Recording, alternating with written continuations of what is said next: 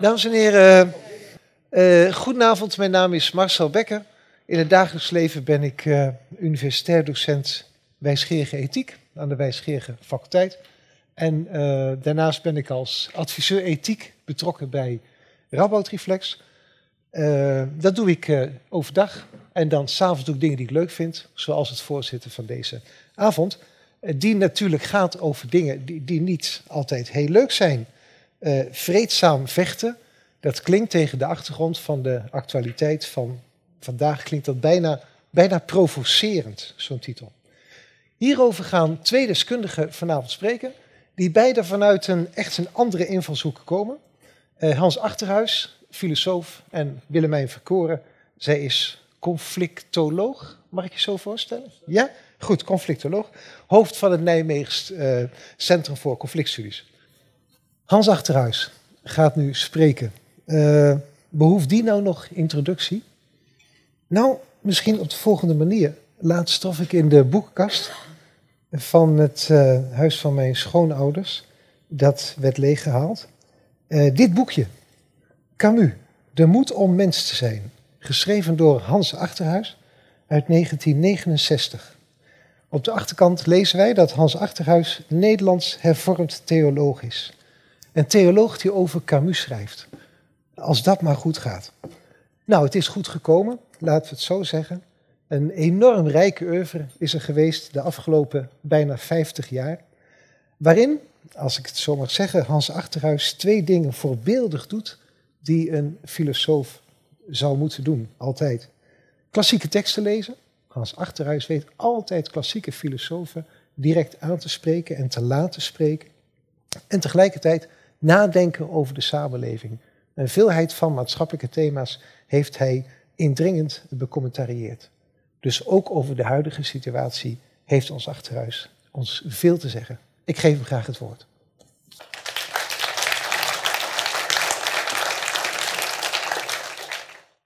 Dankjewel uh, Marcel. Volgens mij, uh, als ik zelf erop afga, is het boekje Antiquarisch wat waard.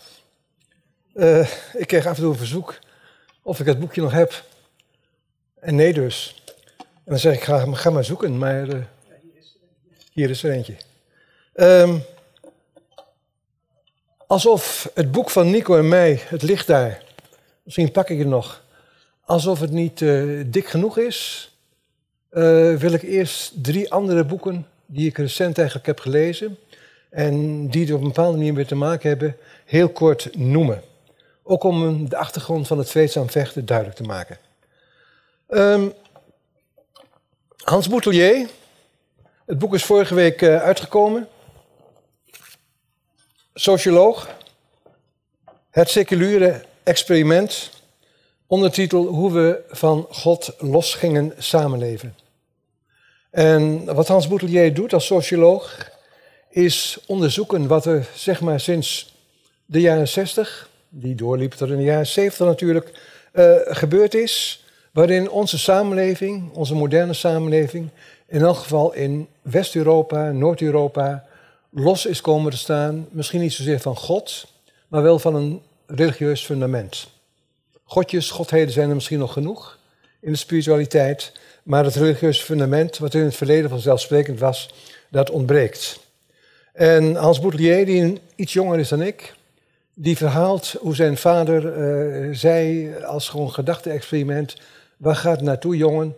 Dit wordt een zootje. Dit kan nooit goed gaan als wij God en het religieuze fundament verlaten. En Boutelier gaat het onderzoeken als socioloog. Uh, kijkt, dat is zijn hoofdthema ook in eerdere boeken, naar criminaliteit. Kijkt naar de relatie tussen de seksen. kijkt in brede zin ook uh, naar, uh, in elk geval, de manier waarop uh, veiligheid in onze samenleving een hoge waarde is geworden. Hij heeft een mooi boek hiervoor geschreven, De Veiligheidsutopie. En hij concludeert eigenlijk tegen zijn vader in dat het allemaal best nog meevalt. Criminaliteit is inderdaad geweldig gestegen in het begin van de jaren, of na de jaren 60, maar is nu op eenzelfde niveau ongeveer. We hebben dus kennelijk geleerd in onze maatschappij Los dus van een goddelijk fundament en goddelijke sanctie, die voor iedereen dus zou gelden, als een soort baldakijn om te leven. Hij werkt dus in feite uit wat uh, Dostoevsky en Nietzsche al in de 19e eeuw zeiden en wat nu werkelijkheid is geworden. Van Dostoevsky, als God niet bestaat, is alles geoorloofd. Uh, en dan krijg je dus ook in de gebroeders Karamazov de figuur van Kirillov, die een zelfmoord pleegt om als het ware zelf een god te worden. Uh, Nietzsche, de dood van God. Wat moeten wij op een wereld die uh, rond draait eigenlijk zonder betekenis en zin? Uh, en nogmaals, hij concludeert dat het wel meevalt, dat er totaal nieuwe relaties zijn ontstaan tussen man en vrouw. Seksualiteit is totaal veranderd, ouders en kinderen zijn totaal veranderd, onvoorstelbaar. Maar wat ik wil eens benadrukken is, en dat is heel moeilijk te zeggen, maar hij hamert dat erin en hij heeft gelijk, denk ik. We zijn bezig met een experiment wat ongehoord is in de menselijke geschiedenis. Voor het eerst eigenlijk een samenleving die probeert los van God normen op te stellen en met elkaar dus samen te leven. En in feite, hij verwijst ook naar het boek van Nico en mij, De kunst van het vreedzaam vechten, is dat wat Nico en ik ook proberen als we het over vreedzaam vechten hebben.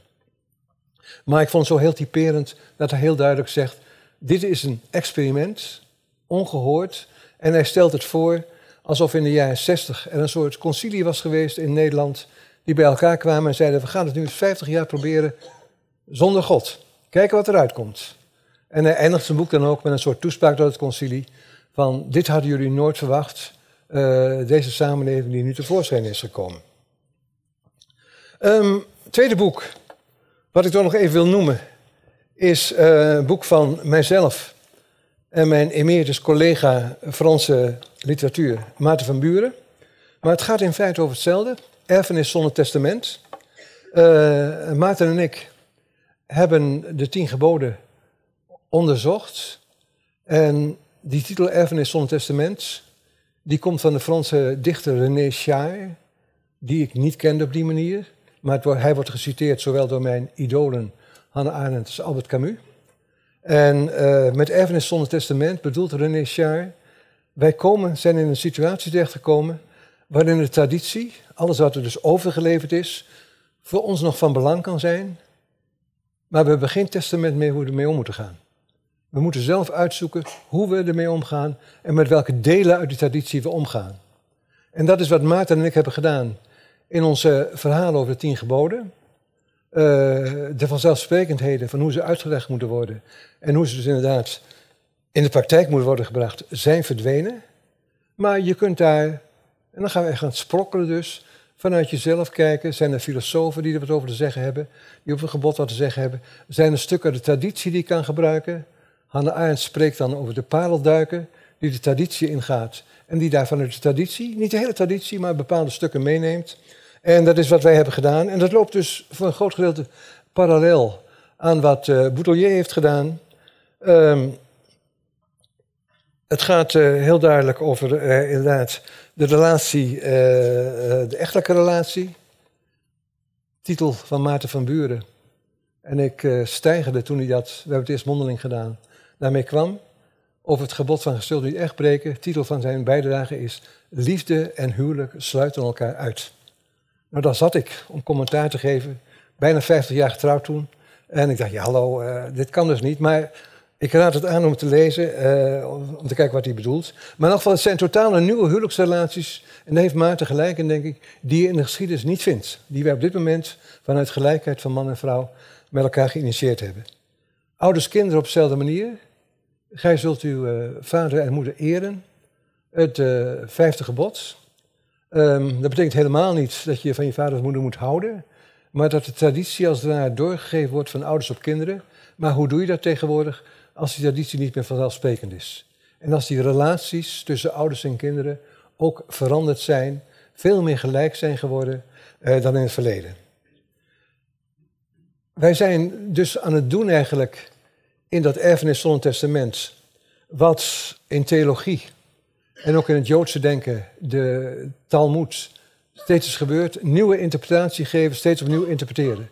Christendom en Jodendom zijn religies van een traditie. En wij stellen de vraag heel duidelijk of dit ook voor de islam kan gelden. De islam die veel meer een vaste, inderdaad, gegevenheid is. Dat zijn de letterlijke woorden van Allah.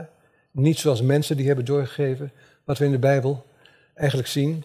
En we halen daar dus bij inderdaad de pogingen op dit moment van binnen de, Koran, binnen de islam. Uh, Ayaan Hirsi Ali is een mooi voorbeeld. Die zo'n jaar of zes of zeven geleden zei van nou, islam is totaal af te schrijven als religie. Die nu inderdaad probeert in het laatste boek, Ketters, om van binnenuit te kijken, kun je die traditie aanpassen aan de moderne tijd en kun je dus interpreteren. Uh, het laatste boek wat ik heb meegenomen en wat mij maatloos intrigeert, en ik vermoed dat we een klein beetje na de, mijn lezing erover kunnen praten, is kritiek van de zwarte reden van Achille, maar ik weet nooit hoe het uit moet spreken, M.B. Een Franse, zeg maar, postkolonialistische denker, die hier de potentie heeft van een soort vierde kritiek te schrijven naar de drie kritieken van Kant. Potentie is dan Kant heeft zijn drie kritieken over de zuivere reden, de praktische reden en de oordeelskracht, kracht, oordeelsvermogen, dus in het Nederlands geschreven. En dat was goed voor blanke mensen. Er is ook een zwart denken, wat buitengesloten is, wat ook al eeuwen gaat. En daar zou je een kritiek van de zwarte reden van kunnen schrijven. Wat dus niet betekent, die kritiek, dat hij de zwarte reden gaat kritiseren om hem af te schrijven, maar dat hij van binnenuit, kritisch als het ware, wil reconstrueren wat die zwarte reden te zeggen heeft. En ik moet dus eerlijk zeggen dat ik door het boek geweldig uitgedaagd werd. Dat ik dacht van, goh, heb ik nou samen met Nico en ook met Maarten in onze eerdere boeken als het ware vergeten hoe het Westen misschien opzij, de zwarte reden, de zwarte opzij heeft geschoven. Uh, moeten we dat niet integreren? Nou, toen kwam natuurlijk Parijs. Hoe ga je daarmee om? Als vanuit die kant inderdaad het geweld ook opkomt. Dat zijn dus vragen inderdaad die hij hier aan de orde stelt. Het is een uh, boek van twee jaar geleden, maar het is dus net vertaald in het Nederlands. Um, waarvan ik hoop dus dat we die na de pauze, in geval naar mijn reden, aan de orde kunnen stellen.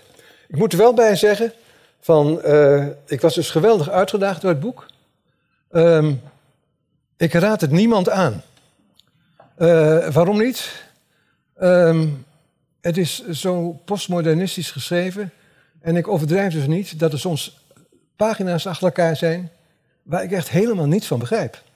Uh, dus uh, u kunt het dus kopen natuurlijk en lezen en diezelfde uitdaging voelen die ik voel dus. Maar dan mag u niet teleurgesteld zijn als u hele stukken niet begrijpt. Tenzij u het beter begrijpt dan ik natuurlijk. Dat zou kunnen hoor. Maar ik heb één keer de ervaring gehad uh, dat ik uit dit soort literatuur in een boek van mij een stukje citeerde. En ik had gelukkig een goede directeur bij de AMBO. En die zei tegen mij, Hans, wat daar staat, daar begrijp ik helemaal niks van. Toen zei ik van, ja, maar Albedien, uh, heb je niet in de gaten dat ik uit een boek van jullie citeer, wat jullie zelf hebben uitgegeven? Ze zei, ja, maar dat vroeg ik ook aan de vertaler. En de vertaler zei tegen mij, ik begrijp er niets van, maar ik heb het goed vertaald. Uh, nou, volgens mij geldt dat ook voor deze vertaling. Het heeft dus niet met de vertaling te maken, denk ik. Maar inderdaad, nou, probeer te begrijpen als u het wilt lezen. Laat ik dat maar zeggen in elk geval. Um, dan nu uh, het verhaal dus over die kunst van het vreedzaam vechten. Um, ik zal kijken of ik in elk geval uh, binnen de tijd de hoofdlijn van, wat is het, 700 pagina's of zoiets uh, kan aangeven. Belangrijk is in het boek dat Nico en ik een soort onderscheid maken, wat ik al aangaf een beetje uh, met die verwijzingen, naar een groot verschil tussen traditie en moderniteit. Traditie zou je kunnen zeggen, zijn, is de cultuur tot aan de middeleeuwen, is de cultuur in ons voorafgegaan is. Daarna breken wij met die cultuur en zijn wij bezig iets als een moderne samenleving op te bouwen. En dan zegt Hans Boutelier terecht, dat gebeurde natuurlijk eerst in de literatuur en de filosofie en allemaal. Maar het gebeurt eigenlijk pas in de praktijk vanaf de jaren 60. Hij beschrijft het heel mooi in een interview dus. Hij zat hier kennelijk in Nijmegen op school. Hij zei dus, voor de vakantie zat ik op school. En dan kwamen de uh, leraren en priesters in een lang habit. Uh, na de vakantie inderdaad kwamen ze in slordige pakken met een zwarte slobbertrui. Uh, dat was dus inderdaad de grote omslag eigenlijk die plaatsvond. Heel kort aangegeven uh, in een zomer. Maar die toch wel een beetje aangeeft in elk geval wat er gebeurd is. En als ik het over die moderniteit heb, dan zeg ik er meteen bij dat alle eigenschappen van wat wij als een moderne samenleving zien, nog lang niet allemaal uitgekristalliseerd zijn. Maar het is in elk geval een richting waarin wij gaan dus. Het individu wat centraal gesteld wordt, een aantal inderdaad ideeën, mensenrechten die centraal staan. Um, die zijn niet uitgekristalliseerd, maar ze geven wel de richting aan. En de vraag is of die helemaal uitgekristalliseerd moeten worden. Of we niet voortdurend toch in de moderne samenleving nog stukjes traditie, inderdaad, wat ik straks al aangaf, die parels die je opduikt, of je die mee moet nemen. Uh, ook moderne mensen, denk ik, dat was wat Maarten en ik ontdekten in elk geval, gebruiken niet alleen maar hedendaagse filosofen om de tien geboden uit te leggen, maar kijken ook naar wat er dus uit de traditie inderdaad daarvan gebruikt kan worden. Nou, ik wil aangeven in welke bijzondere historische situatie wij ons bevinden. En wat Nico en ik proberen aan te kaarten in het boek. Met een verwijzing naar onze eigen landgenoot Jan Romein. Uh, Jan Romein, de grote historicus, die heeft het begrip bedacht AMP. Algemeen menselijk patroon. Jan Romein was vooral een historicus van de westerse beschaving. Maar als hij dus andere teksten las, dan viel het hem op dat eigenlijk alle culturen van voor de moderniteit een aantal eigenschappen gemeen hebben. En dat het Westen daar zo na de middeleeuwen op allerlei manieren mee breekt. En wat dus alle culturen gemeen hebben, met alle ontzettende verschillen die er zijn, hè? maar een aantal centrale zaken, vat hij samen onder het begrip A en P. Er is een algemeen menselijk patroon. Zo hebben mensen altijd geleefd. En kijk, wij proberen in een soort wetenschappelijk experiment, maatschappelijk experiment, daarmee te breken. En is dat haalbaar? Kun je dat voorstellen? Dat zijn de vragen die Boudelier, maar die wij ook stellen, Nico en ik. Twee voorbeeldjes, uh, deels ontleend aan Jan Romein. Hele simpele voorbeelden. Eigenlijk in elke cultuur waarvan een schriftelijke overlevering bekend is, is arbeid een moeizame zaak. Mensen moeten alleen maar werken om eh, te leven, te arbeiden. Maar dat is een moeizame zaak, met pijn en moeite. Bijbelwoord spreekt ervan dus. En als dat kon, delegeerde je dat als machtige aan andere mensen die voor jou moesten werken. In de moderne tijd wordt totaal anders naar arbeid gekeken. Ik was hier, Marcel, hoeveel was dat? Vier, vijf jaar geleden of zoiets, over uh, Weber dus. Uh, en die het woord arbeidsethos bedenkt. Nou, het woord arbeidsethos zou dus nooit op kunnen komen in het verleden dus. Dat dus arbeid een zaak was die adelde dus. En uh, die belangrijk was, wanneer je jezelf kwijt kon als ethos dus. En dat is een van die breuken dus tussen het algemeen menselijk patroon en de moderne samenleving, die arbeid een hoge waarde vindt. Die vindt dat we allemaal zo hard mogelijk moeten werken, met alle gevolgen van dien. Ander voorbeeld wat Jan Romein noemt, is ook voor de hand liggend eigenlijk. Elke cultuur, niet moderne cultuur dus, elke voormoderne cultuur, dat ANP, heeft een bepaald idee over de aarde, de natuur, die op een bepaalde manier heilig is. Moeder aarde, om het heel mooi te zeggen dus, waar je zorgvuldig mee om moet gaan. Mijnbouw is een gevaarlijke zaak, want dan zit je te vroeten in de schoot van moeder aarde. Um, die eerbied en de grenzen die je stelde in het omgaan met de aarde dus en de natuur zijn verdwenen in de moderniteit. Uh, mijnbouw komt dan ook op na de middeleeuwen. In de middeleeuwen dus waar bepaalde gebieden in Europa waar mijnwerkers niet in gewijde aarde mochten worden begraven, juist omdat ze het gebod overtreden, overtraden van hun moeder dus als het ware openrijten. Daar is in de moderne tijd geen sprake van. En dat betekent dus inderdaad een breuk met zoals de mensen altijd geleefd hebben. Belangrijk voor mijn verhaal is nu, vanavond in elk geval, dat er ook een uh, nieuw mensbeeld ontstaat. Nieuw mensbeeld van een individu wat met andere individuen kan botsen. En wat ik het meest duidelijk aanwezig vind bij de filosoof Thomas Hobbes, dan zitten we in 1650 met de Leviathan aan zijn boek, waarin hij betoogt, Thomas Hobbes, dat is voor het eerst dus, dat mensen gelijk zijn. Daarvoor is het idee dat mensen wel gelijk zijn misschien, maar voor God dan. als uh, Paulus een weggeslopen lopen slaaf krijgt, dan zegt hij inderdaad dat we voor God allemaal gelijk zijn, maar de slaaf moet wel terug naar zijn meester. Dus voor God gelijk, maar niet in de praktijk gelijk. En Hobbes is denk ik de eerste filosoof die uitdrukkelijk aangeeft dat een gelijkheid als gelijkwaardigheid hè, tussen mensen bestaat. Ik citeer uit het uh, meest beroemde hoofdstuk eh, van uh, de Leviathan, dertiende hoofdstuk. Daar schrijft hij: De natuur heeft mensen, de mensen in gelijke mate met lichamelijke en geestelijke vermogens bedeeld. Soms komt het weliswaar voor dat iemand duidelijk sterker van lichaam of sneller van geest is dan anderen, maar alles bij elkaar genomen is het verschil tussen mensen onderling toch niet zo aanzienlijk dat iemand op grond daarvan, en nu komt het punt dus, swingend punt, enig voorrecht kan opeisen waarop een ander evengoed niet aanspraak kan maken. Dit springende punt. Hobbes zegt ze zijn van nature gelijk. En dat betekent dat er ook geen voorrechten zijn specifiek voor mensen. En dat is natuurlijk het einde, of en dan het einde, het is een soort bom onder de samenleving uit die tijd die op ongelijkheid berustte. Waarin voorrechten waren die heel netjes verdeeld waren in de maatschappij. En Hobbes zegt nee, die voorrechten berusten nergens op. Uh, mensen zijn van nature aan elkaar gelijk. En iedereen hier waarschijnlijk zegt vanzelfsprekende uitspraak. Daar zijn we het allemaal mee eens. Maar nogmaals, ik herhaal, alle voormoderne culturen binnen dat ANP van Jan Romein waren gebaseerd op ongelijkheid. Ze kenden allemaal hiërarchische verhoudingen waarin mensen essentieel van elkaar verschilden en soms minder waren dan andere mensen. Dus heel duidelijk dus een moderne tijd die zegt van mensen zijn aan elkaar gelijk. Voorbeeld, simpel voorbeeld, uh, uit het Franse Ancien Regime. Dan zitten we tot met de 18e eeuw dus. In het Franse Ancien Regime was een beroemde uitspraak van de mens begint met de baron. De baron was de laatste adellijke titel. Dat waren mensen. Wat daaronder was, daar hoeft hij geen rekening mee te houden, dat waren niet volledige mensen. Hier heb je dus die ongelijkheid die in de samenleving dus inderdaad maatschappelijk is aangebracht. Onze reactie zal waarschijnlijk zijn, wat een vreselijke tijd. Allemaal we, zijn we voor die gelijkheid, als gelijkwaardigheid bedoel ik nu dus.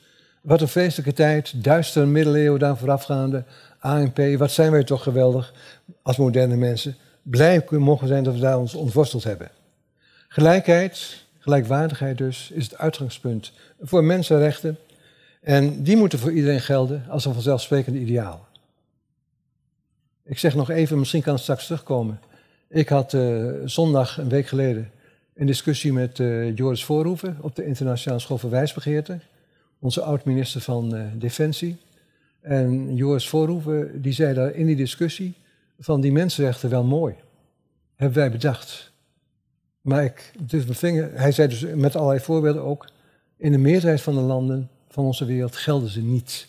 Zo worden wel onderschreven dus, maar ze gelden daar niet vanwege nog inderdaad de hiërarchische verhoudingen ook die daar ontstaan. Wij vinden het vanzelfsprekend, maar binnen het ANP dus was er ongelijkheid en hiërarchie. Hoe is dat te begrijpen? Dat het pas zo recent eigenlijk opgekomen is, die gelijkheid. Thomas Hobbes laat eigenlijk zien waarom die gelijkheid inderdaad pas in de moderne tijd opkwam. En waarom dus inderdaad die traditionele culturen allemaal gelijkheid een heel gevaarlijk iets vonden. Citaat uit hetzelfde eh, hoofdstuk van Thomas Hobbes, 13e hoofdstuk. Uit het feit dat wij gelijk zijn, zegt Hobbes daar, volgt dat wij gelijke hoop kunnen koesteren om onze doeleinden te verwezenlijken. Daarom worden twee mensen elkaars vijanden als zij dezelfde zaak begeren waarvan ze niet beide tegelijk kunnen genieten. Dus Hobbes zegt, hier heb je mensen die gelijk zijn, die willen hetzelfde hebben dus. Dat leidt tot conflicten en dat leidt inderdaad twee uh, regels verder tot een oorlog van allen tegen allen, als mensen gelijk zijn. En daarvoor heeft hij dus een sterke staat nodig, de grote Leviathan, die mensen onderhoudt. Maar als die sterke staat er niet is dus, in de traditie dus, dan is er een andere oplossing om die oorlog van allen tegen allen te voorkomen. Dat mensen ongelijk zijn, dat er hiërarchische verhoudingen tussen mensen bestaan. Ik wil die uitspraak van Hobbes, uit het feit dat wij gelijk zijn, kunnen we dezelfde zaak begeren, wil ik vooral toelichten met een begrip van de Franse filosoof René Girard. Wat is het, tien dagen geleden uh, overleden en herdacht. Het begrip mimetische begeerte. Klinkt weer heel zwaar en moeilijk, maar het is een heel simpel begrip eigenlijk. Mimese is navolging, nabootsing. Uh, en als je anderen nabootst. En wij mensen leren door na te bootsen. Beroemde uitspraak van uh, Aristoteles. De mens is het meest mimetische dier. Dus nog meer mimetisch dan de apen, die naapen. Uh, op allerlei manieren dus moeten mensen zich ontwikkelen door anderen na te volgen, door te kijken naar voorbeelden. Allemaal heel goed en wel. Leertheorieën zijn erop gebaseerd. Wat vaak over het hoofd wordt gezien, zegt René Girard, is dat als mensen elkaar navolgen, en vaak een heel hoog voorbeeld hebben wat ze na willen volgen, een soort voorbeeld, uh, dat ze elkaar dan soms heel mogelijk navolgen in hun begeerten. De dingen die ze willen hebben. Dus niet alleen maar dus leren van iemand anders, maar plotseling merk je dus dat jouw grote voorbeeld eigenlijk met jou in botsing komt en een obstakel voor jou wordt, omdat je hem in de begeerte navolgt. Uh, en dat is wat denk ik elke voormoderne cultuur kende, dit probleem. Uh, mimetische begeerte is natuurlijk een modern begrip, maar je vindt het eigenlijk terug in de traditionele culturen en de voorbeelden zijn allemaal bij ons bekend. Ik geef alleen maar de voorbeelden eventjes uit onze eigen westerse traditie. Het begint met Kain en Abel natuurlijk, die hetzelfde willen, aan elkaar gelijk zijn. Hetzelfde willen namelijk, ze willen allebei erkend worden door God. Eén wordt niet erkend en dan krijg je dus de eerste doodslag in de menselijke geschiedenis. Dat is dus een voorbeeld van die mimetische begeerte. Ander voorbeeld, ook nog steeds onze eigen westerse traditie, is uh, Romulus en Remus. Ook weer twee broers, twee gelijken, die allebei de eer willen hebben. En nogmaals, het gaat om een ding wat je alleen maar in je eentje kunt hebben, om de eeuwige stad Rome hun naam te geven. Ook een strijd waarbij een van de twee dus valt en de ander inderdaad de stad zijn naam kan geven. Laatste voorbeeld misschien, maar de mythologie is hier vol van, is uh, Polyneikes en Eteocles, die uh, strijden rondom uh, het koningschap van Thebe.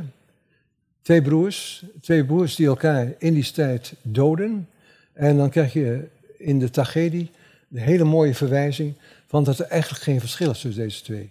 Ze hebben elkaar in een tweegevecht gedood, om hetzelfde te hebben dus, het koningschap van Thebe. En in de dood, maar ook daarvoor zijn ze eigenlijk zo aan elkaar gelijk geworden, dat je niet weet wie wie is. Weer twee gelijken die met elkaar botsen. Nou, de mythologie van de Grieken, maar ook de Bijbel, Jacob en Esau, het gaat steeds maar door dus in het boek Genesis, het staat hier vol van. En dat is wat de traditionele culturen inderdaad erkenden, herkenden dus. En wat ze dus proberen te verhinderen, door hiërarchie en ongelijkheid in te voeren. Om het maar heel simpel te zeggen, die Franse boer, lijfeigene uit het Ancien regime, die zou er nooit over denken om te concurreren en te strijden met de baron. Dat doe je niet met mensen die heel ver boven je staan. Dat doe je alleen maar zoveel mogelijk met je gelijken. Dus die hiërarchie zorgde ervoor in elk geval dat de strijd van allen tegen allen, waar Hobbes zo bang voor is, dat die niet tot stand kwam. Als ik nu zeg dat die mimetische begeerte zo overheersend is, uh, dan denk ik, maar goed, we merken het wel in discussie, dat een heleboel van u zullen denken, ja, maar dat geldt niet voor mij. Uh, ik ben een authentiek, origineel individu. Ik maak mijn eigen keuzes. Dat is ook een moderne idee van inderdaad authenticiteit, is heel belangrijk. Maar tegelijkertijd verhindert dat idee van authenticiteit ons te zien hoe wij ons laten bepalen in allerlei keuzes, dus door anderen die wij juist vaak heel erg hoog hebben. Het is een soort blinde vlek, denk ik, die uh, wij als volwassenen allemaal hebben. En uh, ik heb wel eens een paar keer, toen ik het begrip ontdekt had, mensen erop aangesproken. Dat moet je dus niet doen, want dan worden ze dus pas echt boos. Want als zij een keuze hebben gemaakt in het huwelijk of een andere belangrijke keuze, dan is dat hun eigen originele, oorspronkelijke keuze en helemaal zichzelf. Uh, je moet dus niet zeggen van, wat ben jij mimetisch bezig? Dat was de ruzie dus ook met mijn kinderen toen ze pubers waren. Van eh, af en toe de meest gekke dingen. Dat ik zei, nu zijn jullie weer mimetisch bezig. Nou, ze konden het woord niet meer horen. Uh, maar nogmaals, wij zijn daar op een bepaalde manier blind voor. We willen dat niet horen. Het is ook heel pijnlijk dus om te ontdekken dus hoe je dus door anderen misschien bepaald werd. We zijn er blind voor. Het kwetst onze eigen liefde, onze authenticiteit. Maar laat ik dan toch maar vertellen hoe René Girard het begrip ontdekte. En misschien dat u iets herkent. Wat ik ook kan doen is een verhaaltje van mijn kleinkinderen vertellen. Maar dat heb ik al zo vaak gedaan dat ik niet doe. Dan zie je inderdaad, kinderen kunnen om lachen als die mimetisch bezig zijn. Voor jezelf wordt het een beetje pijnlijk. Ik ga René Girard volgen hoe hij het begrip ontdekte. René Girard was literatuurwetenschapper, voordat hij veel meer naar antropologie en filosofie ging. En hij ontdekte het begrip eigenlijk bij het lezen van de grote romans uit de, uit de 19e eeuw. Uh, Dostoevsky, Flaubert, Stendhal, Proust. Um, en hij ontdekte dat in die romans eigenlijk heel vaak gaat om conflicten tussen mensen. Ze draaien voor een groot deel natuurlijk om liefde, uh, maar die je mimetisch zou kunnen duiden. En ik zal een van die lijnen heel kort aangeven uit Stendhal's Le Rouge et le Noir, rood en zwart. Um, het is een verhaal van Julien Sorel. Julien Sorel groeit als uh, arm jongetje op in een dorpje in de Jura. En hij eindigt uh, het boek inderdaad als hij heel hoog in de maatschappij is opgeklommen. Wat al heel duidelijk typerend is voor die 19e eeuw, dat dat überhaupt kan. Dat hij die mogelijkheid heeft gehad. Um, hoe gaat het verhaal? Hij is een uh, slim jongetje. Hij woont dus in een klein dorpje in de Jura. En daar zijn twee notabelen die uh, met elkaar in een mimetisch conflict zijn. Dat wordt heel duidelijk dus. Um, namelijk, dat is monsieur Renal. Dat is de burgemeester. En daar is meneer Falenot, een rijke kapitalistische burger... die met elkaar concurreren op allerlei manieren... om de belangrijkste man te zijn in het dorp. En dan denkt monsieur Renan op een gegeven moment van... ik kan mijn mededingen de pas afsnijden ik neem die slimme Julien Sorel als huisleraar. Dat is pas prestige, als je een huisleraar hebt voor je kinderen. En uh, hij neemt dat besluit dus. Maar op een gegeven moment krijgt Valeno dat te horen. En die denkt, huisleraar? Dan word ik helemaal dus overtroffen door hem, dan wordt hij belangrijker. Ik wil die Julien Sorel ook hebben. En de boerse slimme vader van Julien Sorel, die maakt daar gebruik van dus, door te vertellen hoe belangrijk Julien Sorel wel is. En uh, de prijs op te drijven die die moet krijgen dus. Tot tot slot een monsieur uh, Renal Julien als huisleraar krijgt. Maar het leuke is in die beschrijving, en daar draait die mimetische begeerte om, dat het helemaal niet gaat om het object. Het gaat om dus twee mensen die met elkaar concurreren. En het object stelt eigenlijk niks voor. Want die huisleraar hoeft niet zoveel te doen, maar geeft alleen prestige. Is eigenlijk een, eh, een ijdel. En dat beide bereid zijn om er steeds meer voor te betalen. Niet omdat het object, die huisleraar, dat waard is, maar omdat ze elkaar willen overtroeven. En dat beschrijft Stendhal op een schitterende manier dus, dat je inderdaad ziet van, hé, hey, dat begint inderdaad met een boerenjongetje wat een beetje slim is dus. En dat eindigt tenslotte dus dat hij voor heel veel geld als huisleraar bij monsieur Renal terechtkomt. Nou, verder werkt hij zich op in de maatschappij. En dat gaat allemaal met mimetische conflicten. En dan komt hij in Parijs tenslotte. Weer als uh, inderdaad uh, leraar bij een hoge adellijke familie. En uh, hij woont dus in een Parijs hotel. En in Parijs is iedereen verliefd op Mathilde Lamole. De mooiste vrouw uit het adellijke milieu. Iedereen begeert haar. En natuurlijk Julien Sorel ook. Want hij is aan het concurreren met die adellijke mensen.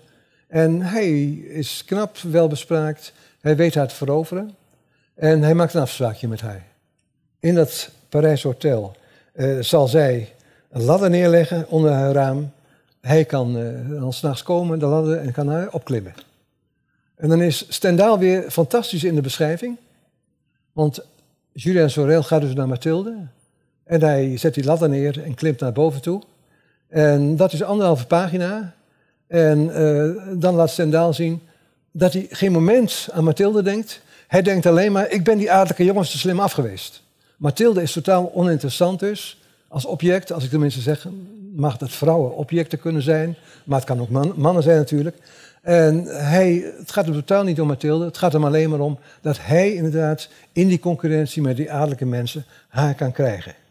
En zo zit je dus in al die boeken die Girard analyseert, in een soort driehoeksrelatie voortdurend. Dat is natuurlijk heel spannend, uh, waarin het object, of dat nou man of vrouw die begeerte is, niet zo belangrijk is, maar inderdaad de botsing, de mimetische botsing tussen twee mensen, veel belangrijker is. Nou, wat Girard ontdekt voor die 19e eeuw, was dus bekend eigenlijk bij alle traditionele beschavingen. Ik heb al uh, wat voorbeelden genoemd. Maar het belangrijkste voorbeeld is misschien toch het tiende gebod, wat ik in het boek met Maarten op deze manier besproken heb. En het is heel duidelijk, gij zult niet begeren wat uw naaste heeft. Niet zijn vrouw, niet zijn os, niet zijn huis, niet zijn ezel enzovoort. Dus het is niet een boeddhistisch gebod. Gij zult niet begeren. Nee, begeer is heel goed, maar, of heel goed, maar begeert is op zichzelf positief, denk ik, uh, in de Joodse traditie. Maar gij zult niet begeren wat een ander heeft. Dat is het gebod wat uitgesproken moet worden binnen een kleine tribale samenleving, waarin die geboden functioneren. En waarin als je daar niet aan houdt, inderdaad, zo'n samenleving kapot kan gaan aan de conflicten. Dus het niet begeren wat de naaste heeft, dus dat tiende gebod, daar draait in elk geval ook de ontdekking van René Girard op. Um, dan zou je kunnen vragen van hoe zijn wij, als dat zo gevaarlijk is, die gelijkheid tussen mensen, als er hiërarchie en ongelijkheid tussen mannen en vrouwen, weet ik wat allemaal, zo belangrijk is, hoe zijn wij er als moderne mensen in geslaagd om toch redelijk met elkaar om te gaan? Dus niet zoals de vader van Hans Boudelier dacht, van het wordt een zootje als je het loslaat. Nee, op een bepaalde manier is het ons redelijk gelukt. Ik moet er even nog bij zeggen, als je de teksten leest, dan zie je dus in de teksten uit de traditie ook heel duidelijk dat die begrippen die gebruikt werden totaal anders zijn dan bij ons. Noem maar even het voorbeeld hier van Augustinus.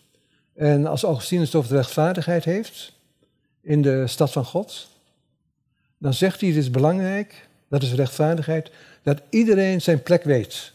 Mannen en vrouwen, dienaars en uh, heren, kinderen en ouders, slaven en vrijen. Iedereen moet zijn eigen plek in de samenleving weten. En dan krijg je de mooie uitspraak van Augustinus. En dan lijkt hij dus op de vader van Hans Boutelier. Uh, als mensen dus die vaste plaats die ze hebben hier in de samenleving niet hebben dus, dan wordt het één grote roversbende in de wereld. Dan worden wij dus rovers inderdaad die met elkaar strijden om wat we te pakken kunnen krijgen. En vandaar dus de rechtvaardigheid die hij bepleit, is dus inderdaad, ieder moet zijn of haar eigen plaats weten. En dat weten wij als moderne mensen niet, omdat wij gelijk zijn aan elkaar. Hoe, hebben wij, hoe zijn we erin geslaagd om daar in elk geval redelijk mee om te gaan? Nou, Nico en ik hebben dat geprobeerd weer te geven, maar er is dus één lijn uit het boek, door te laten zien van uh, hoe wij in de moderne economie wel kunnen begeren wat een ander heeft, dankzij in elk geval de markt die dat beschikbaar maakt en dankzij de massaproductie. Als ik op dit moment begeer wat een ander heeft, en als je dat niet mag volgens Bijbels gebod, dan kun je dus de hele reclame afschaffen. Die is hierop helemaal gebaseerd dus. Uh, dan stort de economie meteen in elkaar. Ik weet niet of u zich herinnert nog. Toen het iets meer in de crisis was, toen hadden we Rutte die ons vertelde dat we allemaal een nieuwe auto en nog meer moesten kopen dus. Want dan hielpen we elkaar uit de crisis. Nou, dat is nou juist inderdaad de mooie auto die de buurman heeft die je wilt hebben. En daar draait onze economie om. Maar nogmaals, je hoeft elkaar de kop niet in te slaan om dat te krijgen. Je moet gewoon, is de conclusie, hard werken dus om inderdaad te kopen wat je wilt hebben. En iedereen kan dat kopen in principe. Dat is de suggestie.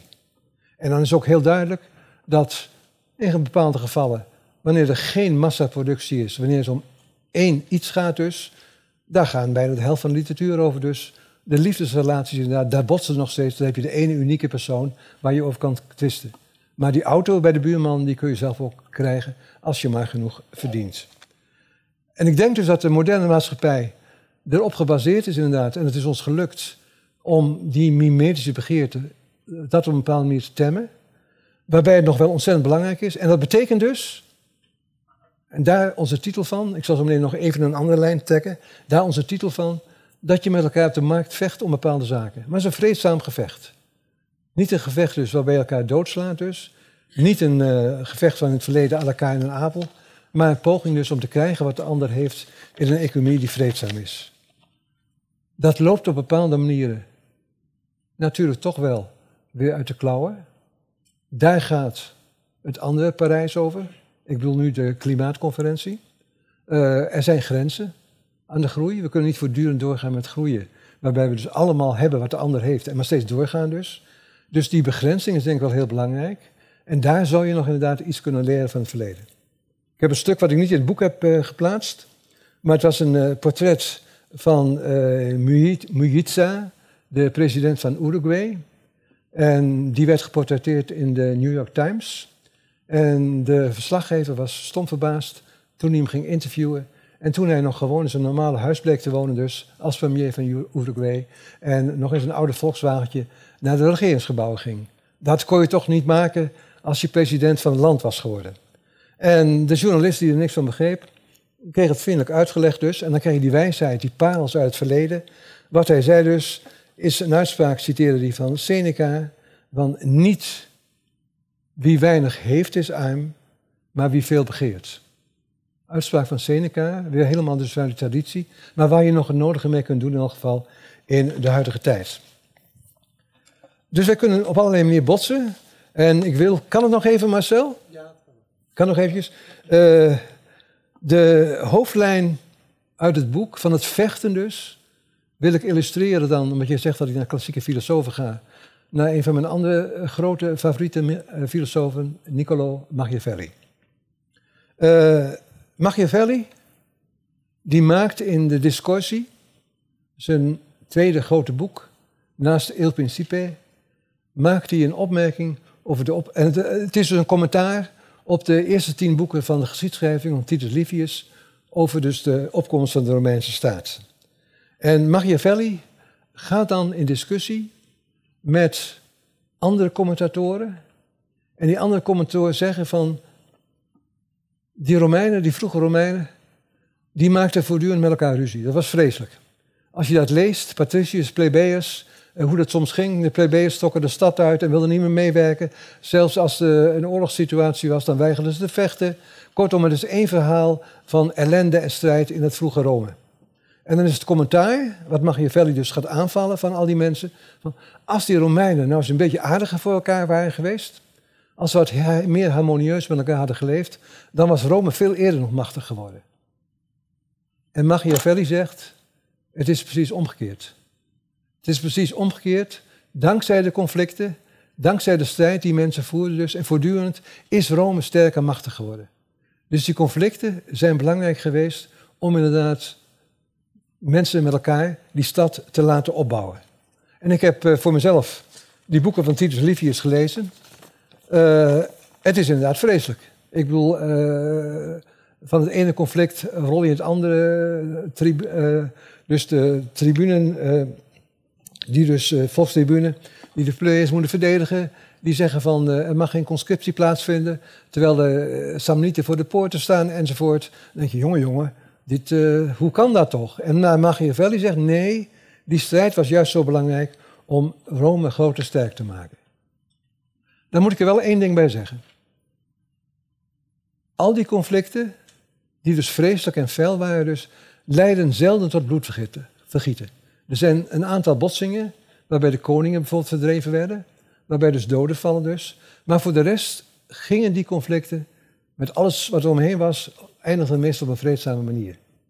Uh, verbanning was soms bij, geldstraffen, maar niet inderdaad elkaar dus de tent uitvechten letterlijk. Wat pas gebeurt als Rome bijna een keizerrijk is, dus uh, in de eerste eeuw voor Christus. Um, het meestal bleef het dus bij straffen en meestal, hoe verbazingwekkend ook, hielden dus de verschillende partijen zich aan de wetten in Rome. En dat is het belangrijke, denk ik. En dat is wat ik oppikte van Machiavelli. En wat in ons boek eigenlijk de leidraad is geworden. Van met elkaar botsen, politiek of op andere manieren, is niet erg. Zolang je dat binnen een bepaalde constellatie doet. Die in dit geval dus inderdaad met eerbied voor de wetten in het oude Rome. Ik noemde die twee boeken van Machiavelli. Je hebt het ene boek dus, de Discorsi. Daar zie je Machiavelli, de republikein. die vol enthousiasme beschrijft hoe dat Rome machtig is geworden, dat Republikeinse Rome. En het andere boek, Il Principe, de, de vorst, de heerser dus, uh, staat in een kwalijke reuk. Machiavelli zou hier machiavellistisch dus optreden, uh, zeggen het doel heiligt de middelen, wat ik nergens op die manier zo terugvind. Maar ik denk ook dat je in Il Principe het voorbeeld vindt als het ware van wat voor Nico en mij bij het vreedzaam vechten belangrijk is geworden. Um, ik ga het maar meteen het misschien meest beroemde en ook beruchte citaat uit het boek uh, halen dus, 18e hoofdstuk. Hij stelt dus dat de vorst, het gaat steeds over een vorst, een nieuwe vorst die een stad of een staat die hij veroverd heeft, verder moet stellen dus, dat hij om succesvol politiek te bedrijven zich met dierlijke middelen moet kunnen verdedigen. Beroemde citaat. En hij moet dus leren van de vos en de leeuw. Hij is geen mens als het ware dus, maar hij moet leren van de vos en de leeuw. En men dient dus, zegt Machiavelli, want een leeuw staat machteloos tegenover vallen en een vos staat machteloos tegenover wolven. Men dient dus vos te zijn om vallen te ontwaren en te ontwijken en leeuw om de wolven weg te houden. Dat citaat lijkt erop te duiden, ook als ik naar de commentatoren kijk dus, dat Machiavelli zegt, politiek is iets dierlijks, waarbij je dus van geweld, die leeuw en van list gebruik moet maken. Ik denk dat hij een aantal belangrijke dingen hier zegt. Als ik vreedzaam vechten verdedig, zegt Machiavelli, in bepaalde situaties is het nodig om inderdaad geweld te gebruiken, die leeuw te zijn. In bepaalde situaties is het ook nodig misschien om vossige streken te hebben, mensen te kunnen bedriegen, op het verkeerde been te zetten, om inderdaad in de strijd dus bezig te zijn. Maar wat vergeten wordt, en nogmaals, dat zijn aspecten waarvan ik denk, daar kunnen we straks over doorpraten, die in de huidige politiek nog hun plaats hebben. Maar wat vergeten wordt, is dat Machiavelli, die heel beroemde dierenvergelijking met die vos en de leeuw, vooraf laat gaan door een andere uitspraak. Men dient te weten dat men het op twee manieren kan strijden. Ten eerste met wetten, ten tweede met geweld. De eerste manier is eigen aan de mens, de tweede aan het dier. Machiavelli zegt heel duidelijk hier, de menselijke manier van strijden is een strijden dat zich aan de wetten houdt, dat binnen de wetten met elkaar strijdt, botst op allerlei manieren, zoals die oude Romeinen dus, maar dat is menselijk. En in de discussie, die ik al noemde dus, gaat Machiavelli op zoek naar die menselijke manier van vechten. En dan zoekt hij dus welke instituties in het oude Rome, de volkstribunen die op zijn gekomen, de Senaat als een matigende institutie, eigenlijk dit mogelijk hebben gemaakt. En ik stop Marcel. Wij hebben geprobeerd eigenlijk datzelfde te doen, Nico en ik, in ons boek. We hebben gekeken naar instituties in de moderne tijd. Je zou kunnen zeggen speelvelden van vreedzaam vechten. En ik noemde al de markt. Dat is de democratie. Dat is de gelijkwaardigheid van mannen en vrouwen. Dat is inderdaad het rechtssysteem. Allemaal instituties die als ware dit mogelijk maken dus. Eh, opvoeding en onderwijs. Verworvenheden dus van de moderniteit. Waarbinnen met elkaar gevochten kan worden. En als laatste, en dat moest ik doen, Nico zei, sportief vechten is belangrijk. We moeten het ook over sport hebben. Uh, we hebben het boek samen geschreven. Uh, we hebben echt uh, ook elkaar stukken gecorrigeerd. Maar Nico had het geniale idee dat sport zo belangrijk is in de moderne tijd. Maar hij zei, ja, ik weet er niks van. Dat moet jij maar doen. Uh, en ik als krantenlezer heb dat ook gedaan. En ontdekte inderdaad het belang van die sport om daar met elkaar te strijden. Maar er zijn de spelregels. En het is belangrijk. En de scheidsrechter. En dat zou je dus moeten vertalen eigenlijk waren, ook, als het ware, ook maatschappelijk. Daar stop ik voorlopig mee om straks door te kunnen discussiëren. Dank u wel.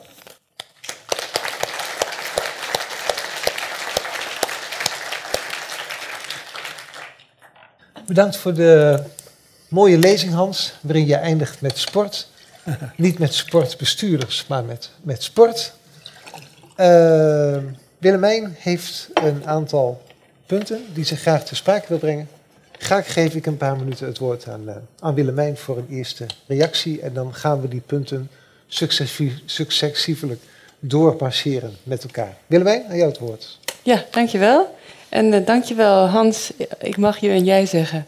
Ja, uh, voor de hele boeiende, boeiende lezing en ook voor het prachtige boek. Dat ik met heel veel uh, belangstelling lees en waar ik ook heel veel van leer. Um, wat ik vooral interessant vind ook aan dat boek, en aan het einde kwam je daar een beetje over te spreken, is die geweldbeteugelende instituties. Hè? Dat idee, dat vind ik heel boeiend.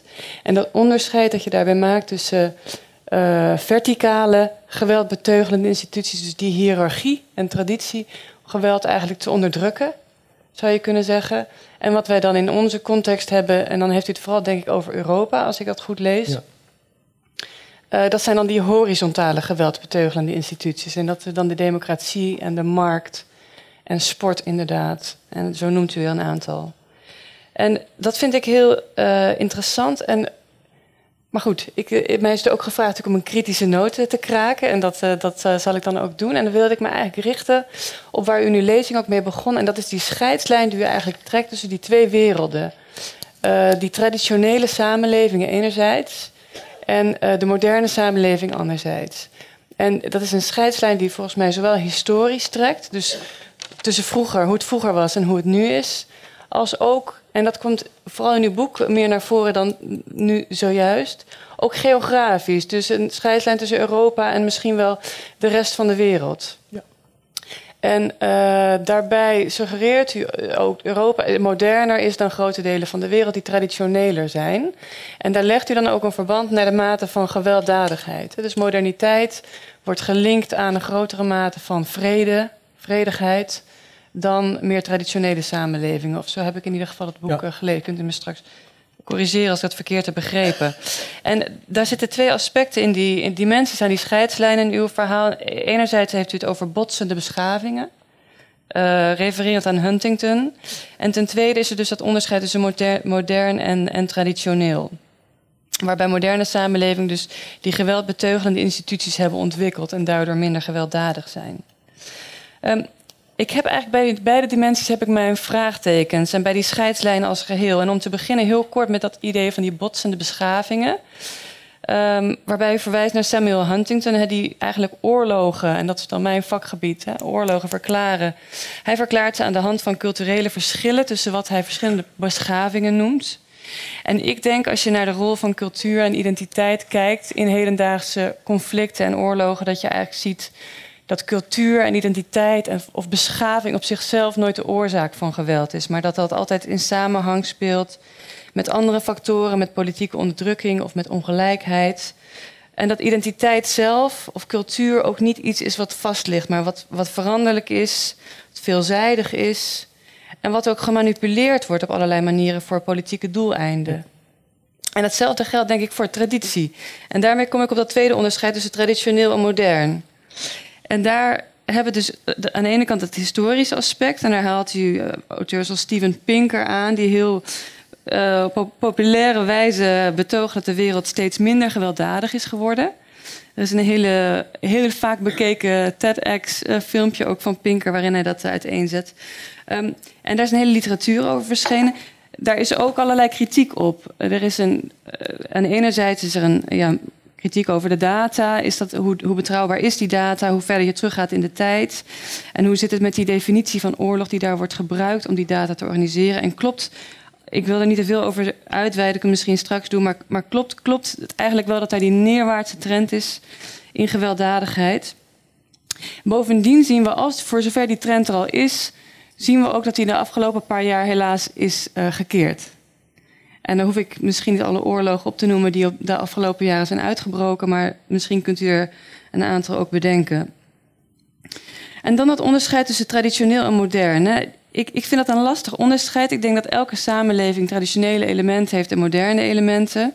En dat het ook het over één kam scheren van alle traditionele samenlevingen vind ik ook nog wel heel wat. Um, en daarbij zie je niet alleen allerlei verschillen tussen verschillende samenlevingen over het hoofd, maar ook de manier waarop tradities worden geconstrueerd en worden gemanipuleerd. Mhm. Zoals je bijvoorbeeld nu ziet bij die, die, groepering de Islamitische Staat, waarover we nu zoveel lezen. Uh, die eigenlijk heel selectief put uit de islam bijvoorbeeld en uit de geschiedenis van het kalifaat. En daar eigenlijk een heel eigen verhaal uh, over construeert, waarvan je kan zeggen, is dat traditioneel of is dat modern of is dat een mengeling daarvan? Het is in ieder geval heel duidelijk met een politiek doel.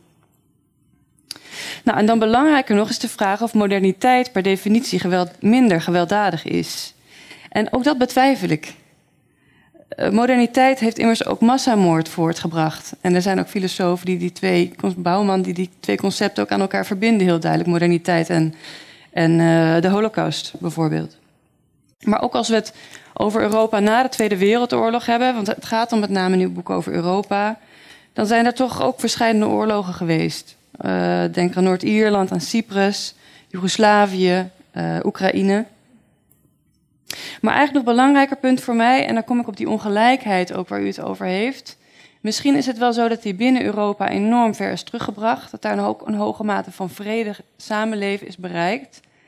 Maar je zou kunnen zeggen dat die die situatie eigenlijk bestaat bij de gratie van een ongelijke relatie met de rest van de wereld.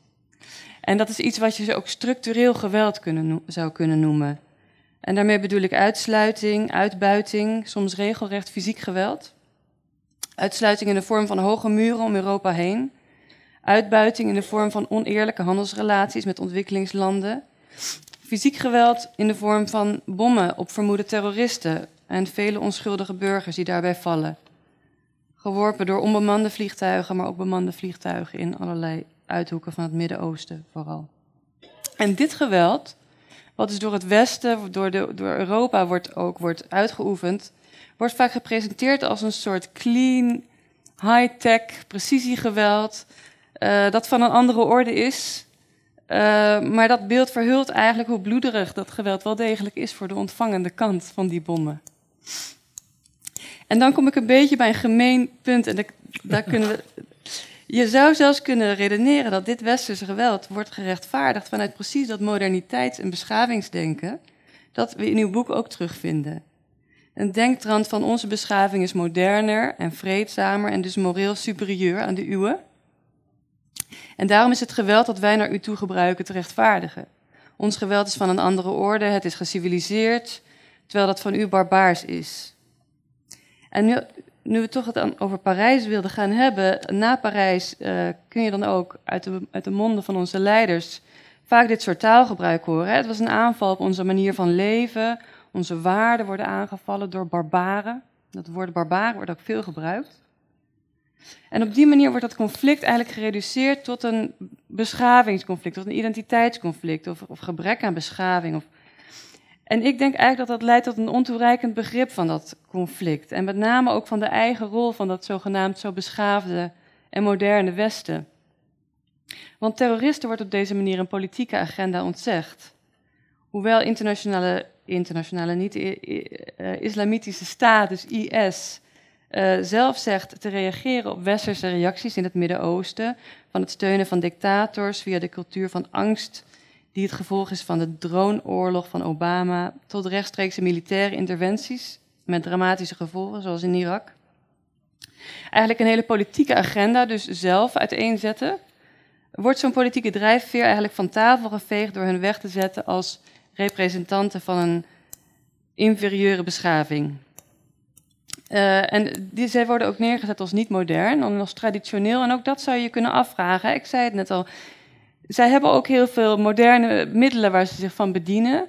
Komen zelf ook bovendien vaak voort uit westerse beschaving, uit Europa. Zijn geschoold, gebruiken, maken gebruik van internet, et cetera. Nou, wat ik maar wil zeggen uh, is het trekken van zo'n scheidslijn tussen moderne beschaving enerzijds en een traditionele, misschien wel niet-beschaving anderzijds, vergroot ook, maakt de verschillen tussen Europa en de rest van de wereld misschien ook groter dan ze zijn. En het verhult ook het geweld waarvan Europa zichzelf bedient, juist ook in de richting van die rest van de wereld.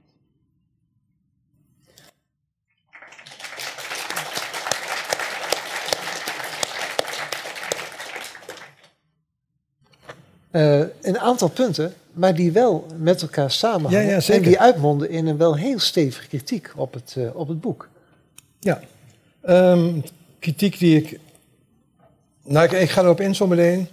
Maar ik zeg meteen uh, dat ik de laatste ja, toen ik dus het boek wat ik heb genoemd, Kritiek aan de Zwarte Reden, is in feite een boek waarin jij je zou moeten kunnen vinden Mhm. met dit soort vragen. Als het zal En- begrijpen. Ja. Eh, Moet en, ik wel eh, bladzijden overslaan? eh, als je het begrijpt helemaal, Ja, maar ja. er zijn- is heel veel van de, maar wat je al voor een deel hebt samengevat.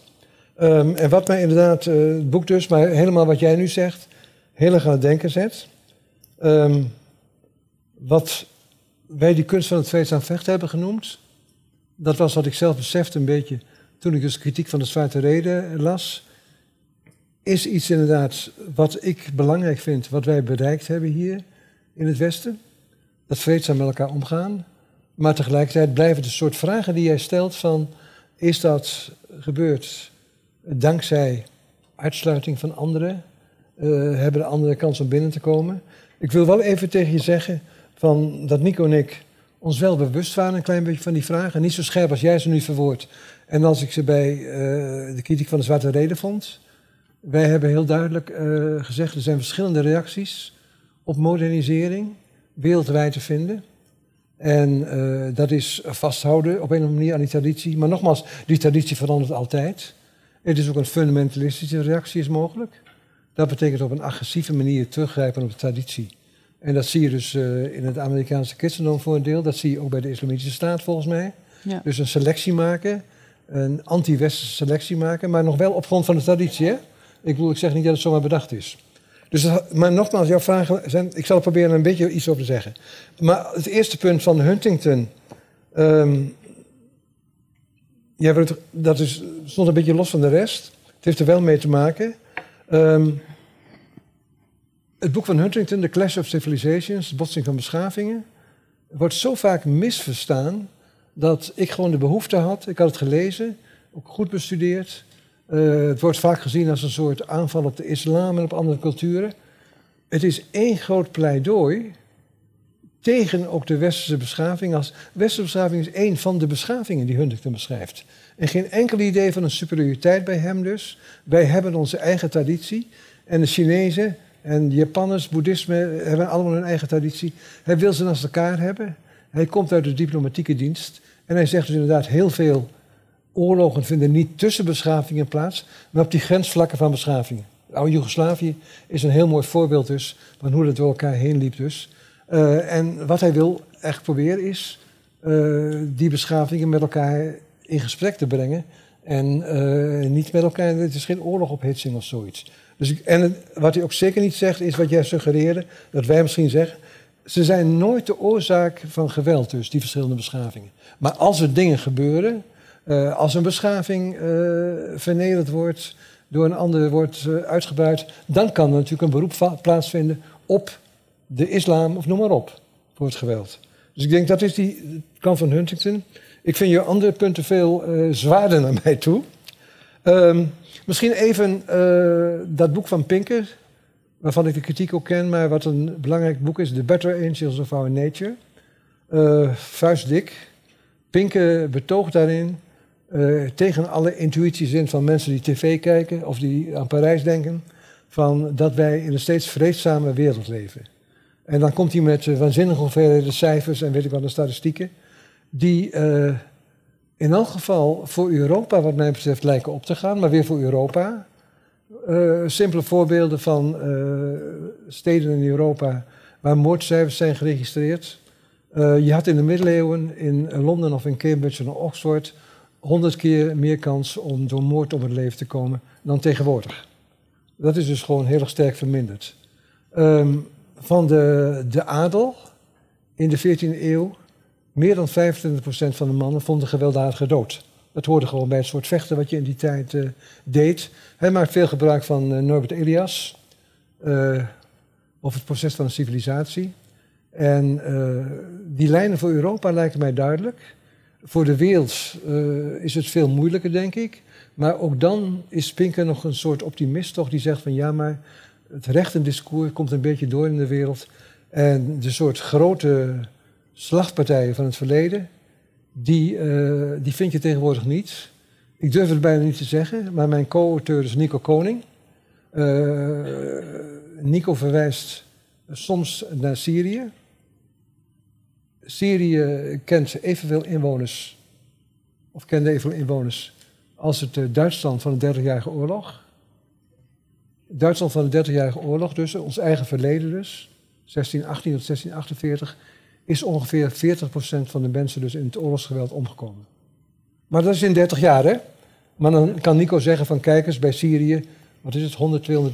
Het is vreselijk om te zeggen bijna, maar die cijfers zijn toch nog verschillend van onze eigen godsdienstoorlogen, die onvoorstelbaar wreed waren en onvoorstelbaar dus veel doden hebben gebracht. En Pinker probeert het allemaal te laten zien van, we gaan de goede kant op, maar het kan elk moment misgaan. En ik weet dat het een beetje absurd is om over vreedzaam vechten te spreken, als je net Parijs achter de rug hebt met een ander soort vechten. Maar toch denk ik dat in elk geval je daar vast kunt houden voor ons eigen Europa. Um, ja, dan uh, jouw voorbeeld. En we zijn, ik, ik, we zijn ook echt bang, denk ik, geweest om, uh, maar misschien hebben we het wel gedaan, te doen wat jij uh, mij verwijt. Namelijk te suggereren van het komt allemaal uit het goede Europa. We maken een uitdrukkelijk onderscheid tussen modernisering en verwestering.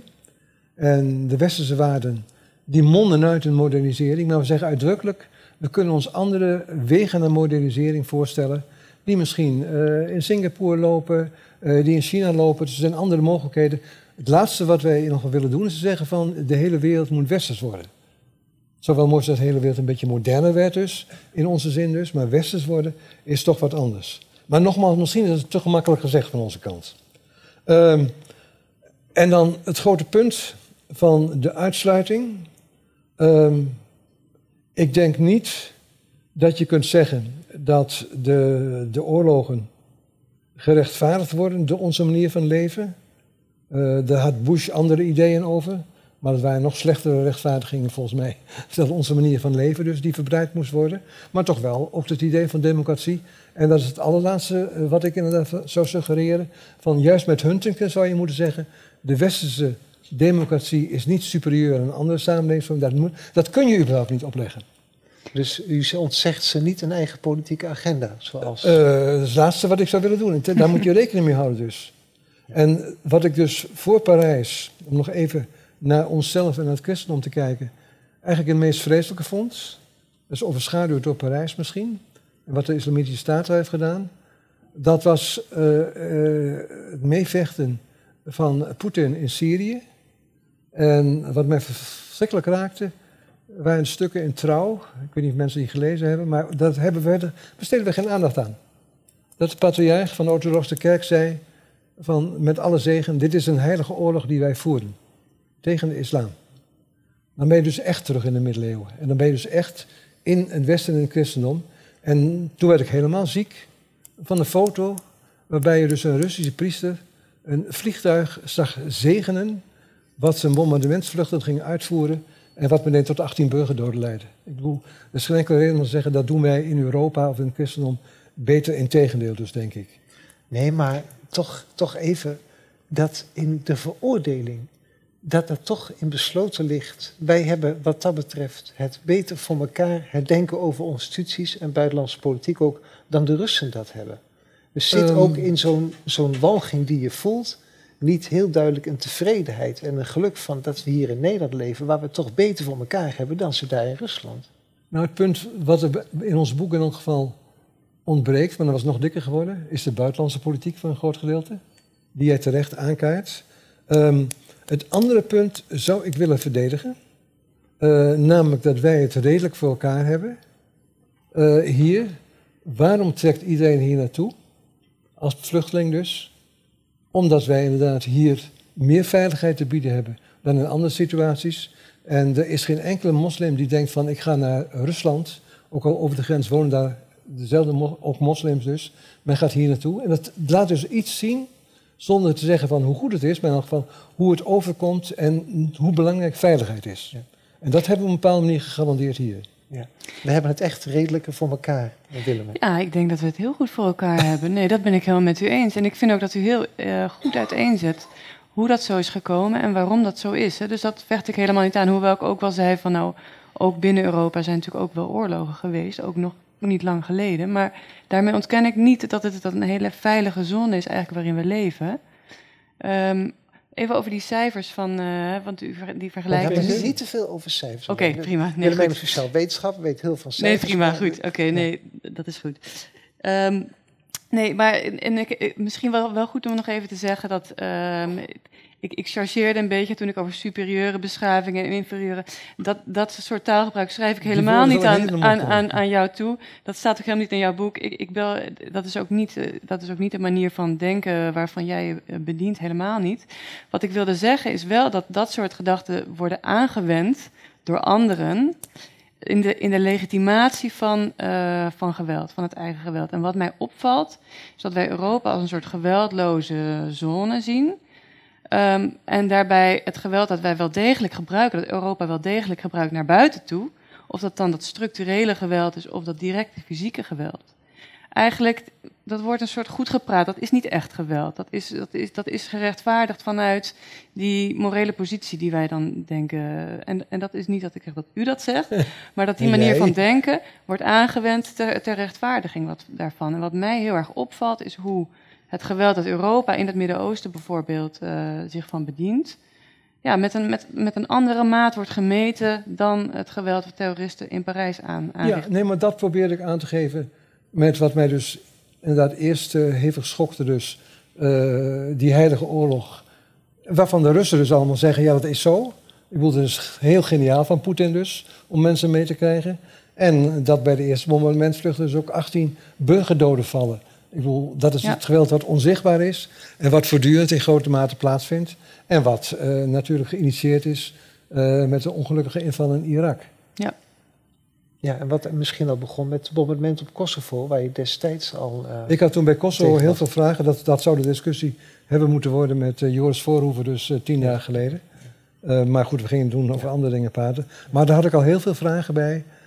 het gemak waarmee ook toen en daar heb je wel gelijk in, de rechtvaardiging.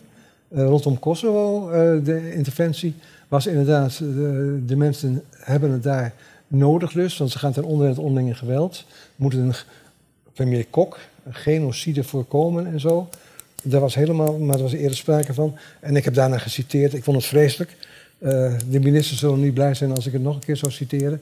Van Kosovo zou binnen een jaar helemaal op poten komen, dus zei uh, de toenmalige minister van Ontwikkelingssamenwerking, ik denk dat Evelien Herfkens was, van uh, dat lossen wij wel eventjes op, dat fixen wij allemaal. Dat idee van maakbaarheid in een andere cultuur, uh, wat er veel kapot is gemaakt.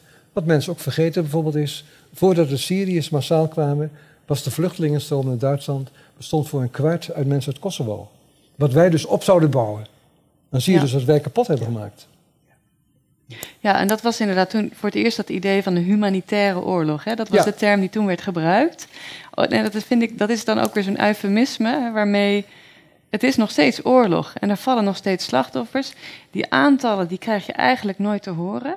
Je krijgt alleen de, de, de slachtoffers die aan eigen kant vallen, worden meestal geteld. Ja. Maar er vallen bij slachtoffers, maar het is humanitair, dus dat is goed en dat is, nou ja, dat is moreel uh, te verdedigen. Omdat wij onze manier van leven eigenlijk ja, proberen te brengen aan die delen van de wereld. Dus er zit zo'n civilisatie-gedachte achter, die niet in uw boek staat, ja. maar die. Ja, ik wil zeggen, maar dat mag je mij niet verwijten. Nee, nee, nee, maar dat is, want daar dat is heb ook ik niet dus wat heel ik heb wat willen uh, doen. boeken nee. en teksten aan besteed om dat aan te vallen. Ja. Toen mijn boek over geweld mag, ja, werd uh, gebracht, had ik een discussie met Dick Berlijn, die dus op die stoel daar zat dan. En Dick Berlijn was de net afgetreden uh, Nederlandse legerleider. Het ging over Afghanistan. En die had daarvoor, net daarvoor gezegd van... Ja, nee, maar Afghanistan, dat is gewoon onze opdracht. Anders durf ik mijn kleinkinderen niet in de ogen te kijken, zei hij. Daar moeten we tientallen jaren blijven om daar onze manier van leven of onze democratie te brengen. En ik vond het dus waanzinnig hypocriet, want hij wist zelf dat we dat nooit zouden doen. Tientallen jaren blijven. We wisten dat we weg zouden gaan. Ja. En, dat gold voor, en dat is hetzelfde met Irak. Weg weer daarna, even ingrijpen, enzovoort. Sorry hoor, Marcel. Ja, nee, dat even over het punt tussen de vreedzaamheid binnenlands, maar dan het geweld naar buitenland. Uh, voordat we naar de zaal toe gaan, mag ik toch even één dingetje, even hypothetisch. De Hans Achterhuis van de jaren 70 was zeer geëngageerd met de derde wereld en schreef een boek over Afrikaanse filosofen. Als Ja. een van de eerste in Nederland de Afrikaanse filosofie serieus nemen. Eh, de Hans Achterhuis van de jaren 80 schreef Het Rijk der Schaarste.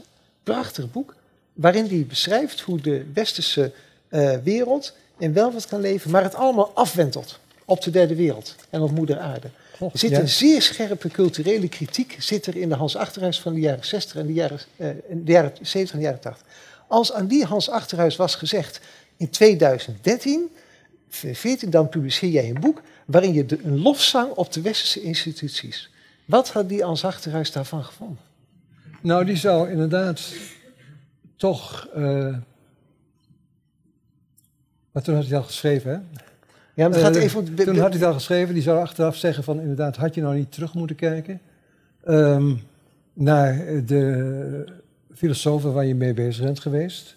De belangrijkste filosoof in de kritiek van de zwarte reden is Frans Fanon, waar ik dus eh, het Rijk van de Schaarste mee beëindigd heb als het ware, met oproepen van Fanon. Ehm, wat ik wel heb geleerd, als ik kijk naar mijn verleden, is dat er toen door iedereen, en maar door mij dus ook, veel te gemakkelijk over geweld werd gepraat. Daarna heb ik heel veel over geweld geschreven. En geweld was voor mij in die tijd toch bijna een simpel middel om eh, inderdaad in bepaalde situaties bevrijding te brengen. En dat is voor mij voorbij. Ik denk, geweld maakt zowel voor degene die het uitoefent als degene die het ondergaat zoveel kapot. Dat is geen simpel middel. En daar heb ik mijn andere dikke boek met alle geweld over geschreven. Ja, ja. Dus ik vind dat ik in het verleden te gemakkelijk met name het woord geweld gebruikte.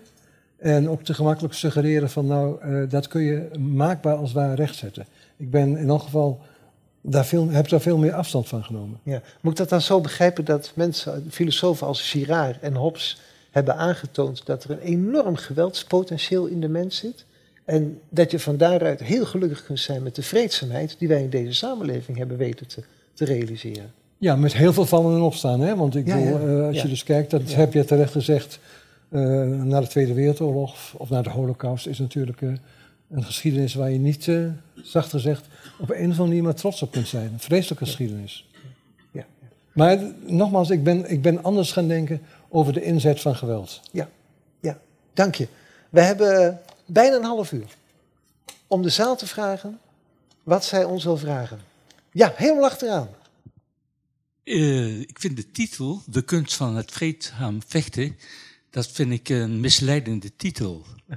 Daar klopt niks van, want eh, als je kijkt... eh, Dat is pas echte kritiek. Als je kijkt naar waar we het net over hadden, of net over gesproken werd. Eh, in de militaire organisatie wordt gesproken over vredesoperaties. Men bedoelt oorlogsgeweld. Nixon zei dat hij een pacifist was toen hij bommen gooide in Hongkong. Eh, je kunt niet vreedzaam vechten. Dat is één kritiek. Het tweede wat ik erbij wil zeggen is... eh, uw mensbeeld is een mensbeeld. Het, het klopt niet. Van, u praat in generalisaties van het verleden, de traditie. Eh, u hebt het over de moderne tijd. Ik heb zelf bij het Humanistisch Verbond gewerkt. Eh, als ik ergens geweld heb aangetroffen, is het wel in het Humanistisch Verbond. En daar kan u over meepraten, want u hebt er ook gewerkt. Eerst even over de titel en dan over het Humanistisch Eh, Verbond. Ja. Ja, maar volgens mij eh, heeft u het niet gelezen of niet goed geluisterd. Ik heb gezegd, een aantal instituties wordt met elkaar gebotst en noemen we vreedzaam vechten. Ik heb het niet over het leger gehad en de manier waarop daar ook gesproken wordt. Integendeel, daar heb ik het totaal niet over gehad. Ik heb het- daar heb ik het niet over. Ik heb het over de tegenspraak, vreedzaam vechten. Dat kan niet samen. Ehm, dat zou ik wel willen eh, verdedigen in elk geval. Eh, ik heb het voorbeeld van Machiavelli genoemd. Eh, de manier waarop die eh, oude Romeinen, maar dat kun je ook doortrekken op allerlei manieren, met elkaar aan het bakkeleien waren, ontspoorden soms. Maar dat was een manier. En als ik politiek dus inderdaad denkers moet noemen, dan noem ik een denker als Chantal Mouffe. Die dus ook zegt, politiek bestaat uit conflicten en botsingen. Maar wel op een vreedzame manier. Maar een politiek die alleen maar harmonieus zou zijn, is geen politiek. Ik geloof dus in die strijdmogelijkheden die er zijn. En waarbij je inhoudt in elk geval, omdat er spelregels zijn binnen die instituties om met elkaar te botsen. Dan mag u nog één reactie geven en dan gaat het Ja, voor maar iemand u gaat niet in op mijn kritiek. Vreedzaam vechten.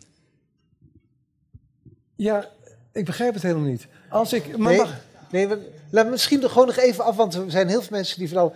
Eh, waar, hebben jullie erover nagedacht om een ander woord dan vechten? Je kunt strijden. Dit er allitereren zo veel- lekker. Nee, ja, nee, dat vind ik nou een flauw antwoord. U bent geen Nederlandicus, nee, nee. u bent filosoof. Nee, nee. Dus, Nee, nee, vechten. nogmaals, Ja. er zijn allerlei alternatieven geweest dus.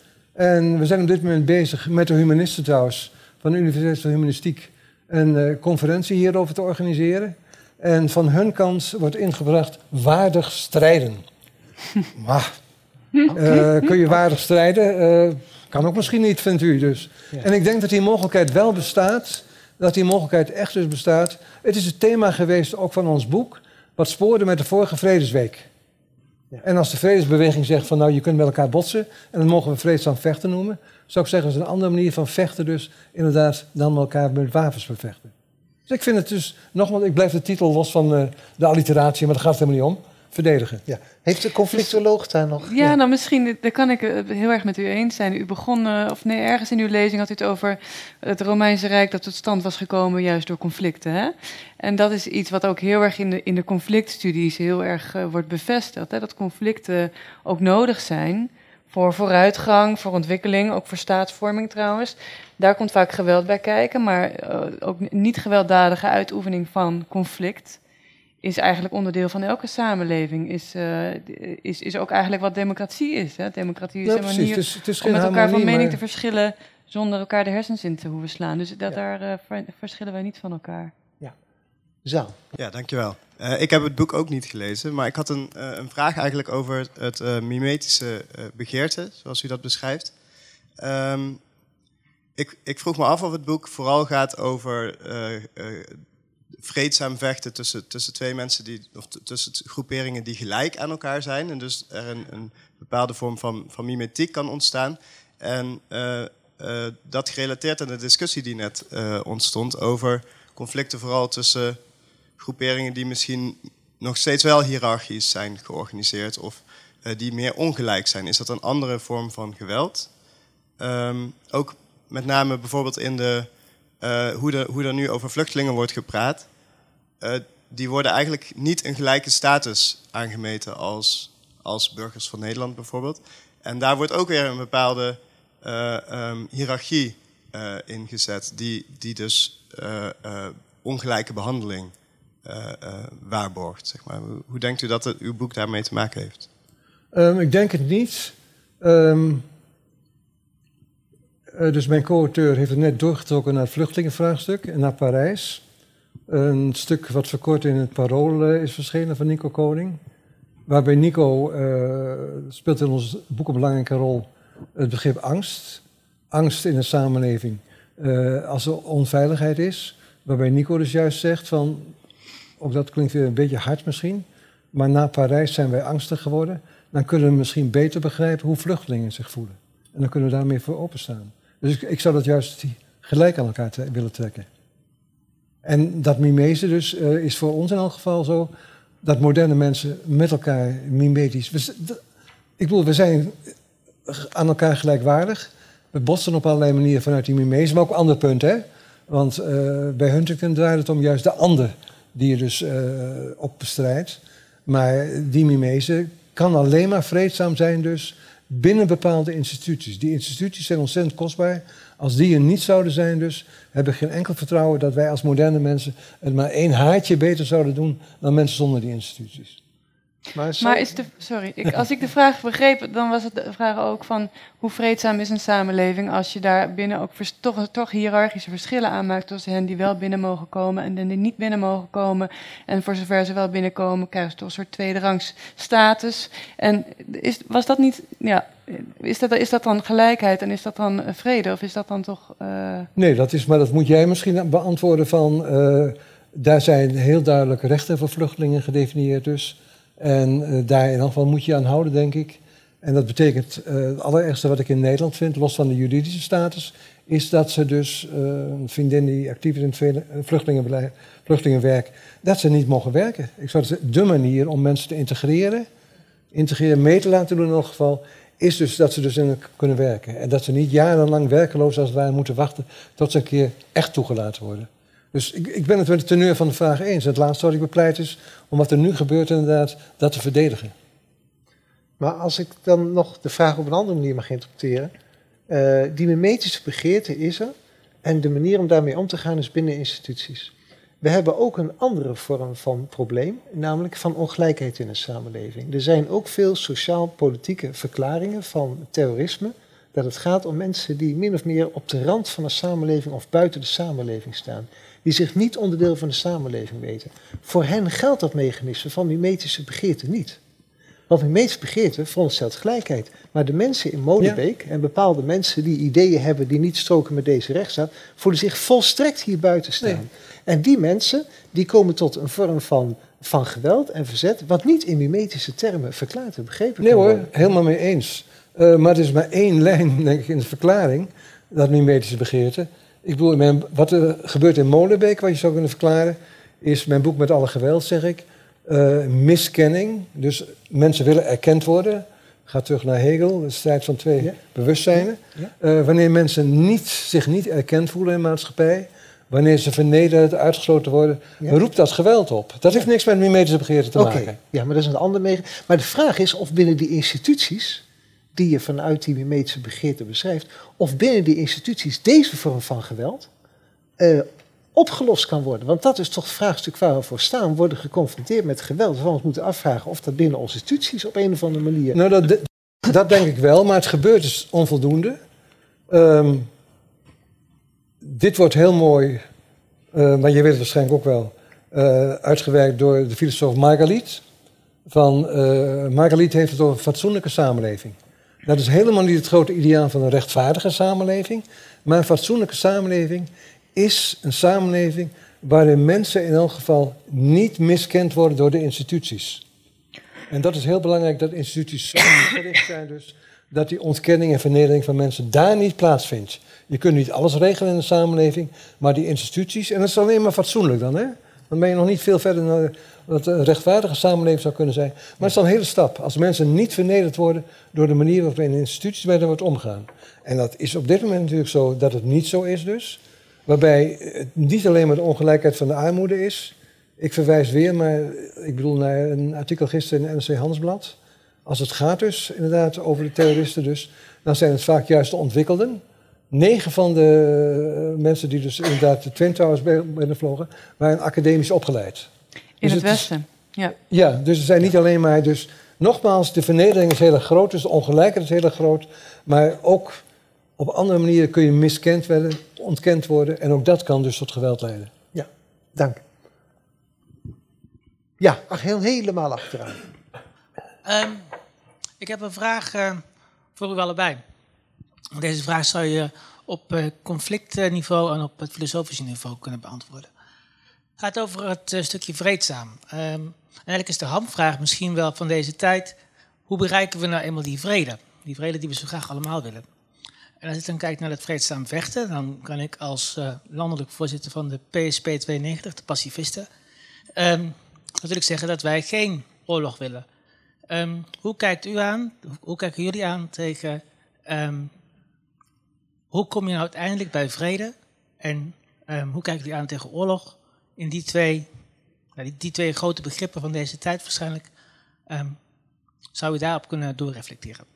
Nou, Willemijn, begin jij maar. Nou, dat is wel een enorme vraag. Ja. Conflictoloog of je bent het niet? Ja, ja daar, daar heb je gelijk in, Marcel. Maar als ik die vraag goed kan beantwoorden, dan ben ik wel, uh, ben ik wel klaar ook uh, met mijn werk. Um, ja, de, misschien de vraag die ook stelt, denk ik, is of geweld uiteindelijk een, een, een, middel kan zijn om vrede te bereiken. Of om een, een soort betere staat te bereiken. Of dat eigenlijk per definitie eh, geweld problematisch is. Eh, als ik dat zo goed begrijp. Hè? En dan, dan kijk ik maar even gewoon naar het conflict wat ons nu het meeste bezighoudt. Dat is de oorlog in Syrië. En dan wordt daar natuurlijk nu op van allerlei kanten gesuggereerd van we moeten dat geweld verder opvoeren, we gaan nog meer bommen gooien of we moeten daar met grondtroepen moeten we daar naartoe. En dat is ter bescherming van die mensen, dat is uiteindelijk om de vrede te brengen. En dan geloof ik daar eigenlijk niet in. Dan denk ik dat we, als we wat we hebben gezien van zogenaamde vredesinterventies, want dat zei die meneer daar heel terecht, het wordt vredesinterventie genoemd, maar het is natuurlijk militaire interventie. Uh, dat van de afgelopen jaren dat het eigenlijk vaak de problemen alleen maar heeft uh, verergerd. En dat je toch echt op zoek moet gaan naar een politieke oplossing, hoe moeilijk dat ook is. En dan als voor specifiek voor dat conflict moet dat ook een internationale oplossing zijn. Want dat is eigenlijk een conflict waarin heel veel partijen in zijn gezogen en eigenlijk in meevechten. Die allemaal hun belangen hebben in dat bredere Midden-Oosten. En die belangen die moeten tegen elkaar, naast elkaar worden neergezet en die moeten worden uit, uh, uit onderhandeld. Hoe moeilijk dat ook, uh, ook is. Um, ja. Hans zal het er niet helemaal mee oneens zijn, denk ik.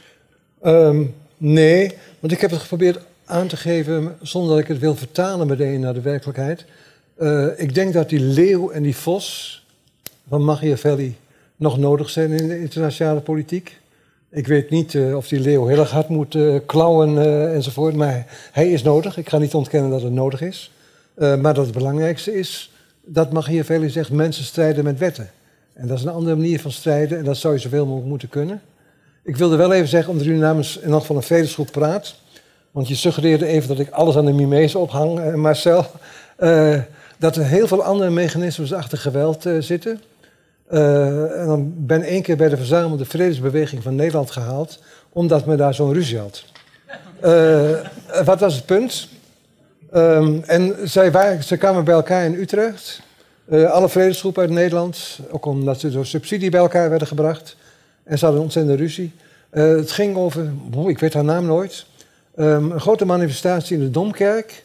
En daar zou onze Nederlandse wereldkampioene kickboksen optreden. Heeft iemand haar naam hier paraat? Nou, anders moet je even in. Eh, maar goed, um, boeddhisten.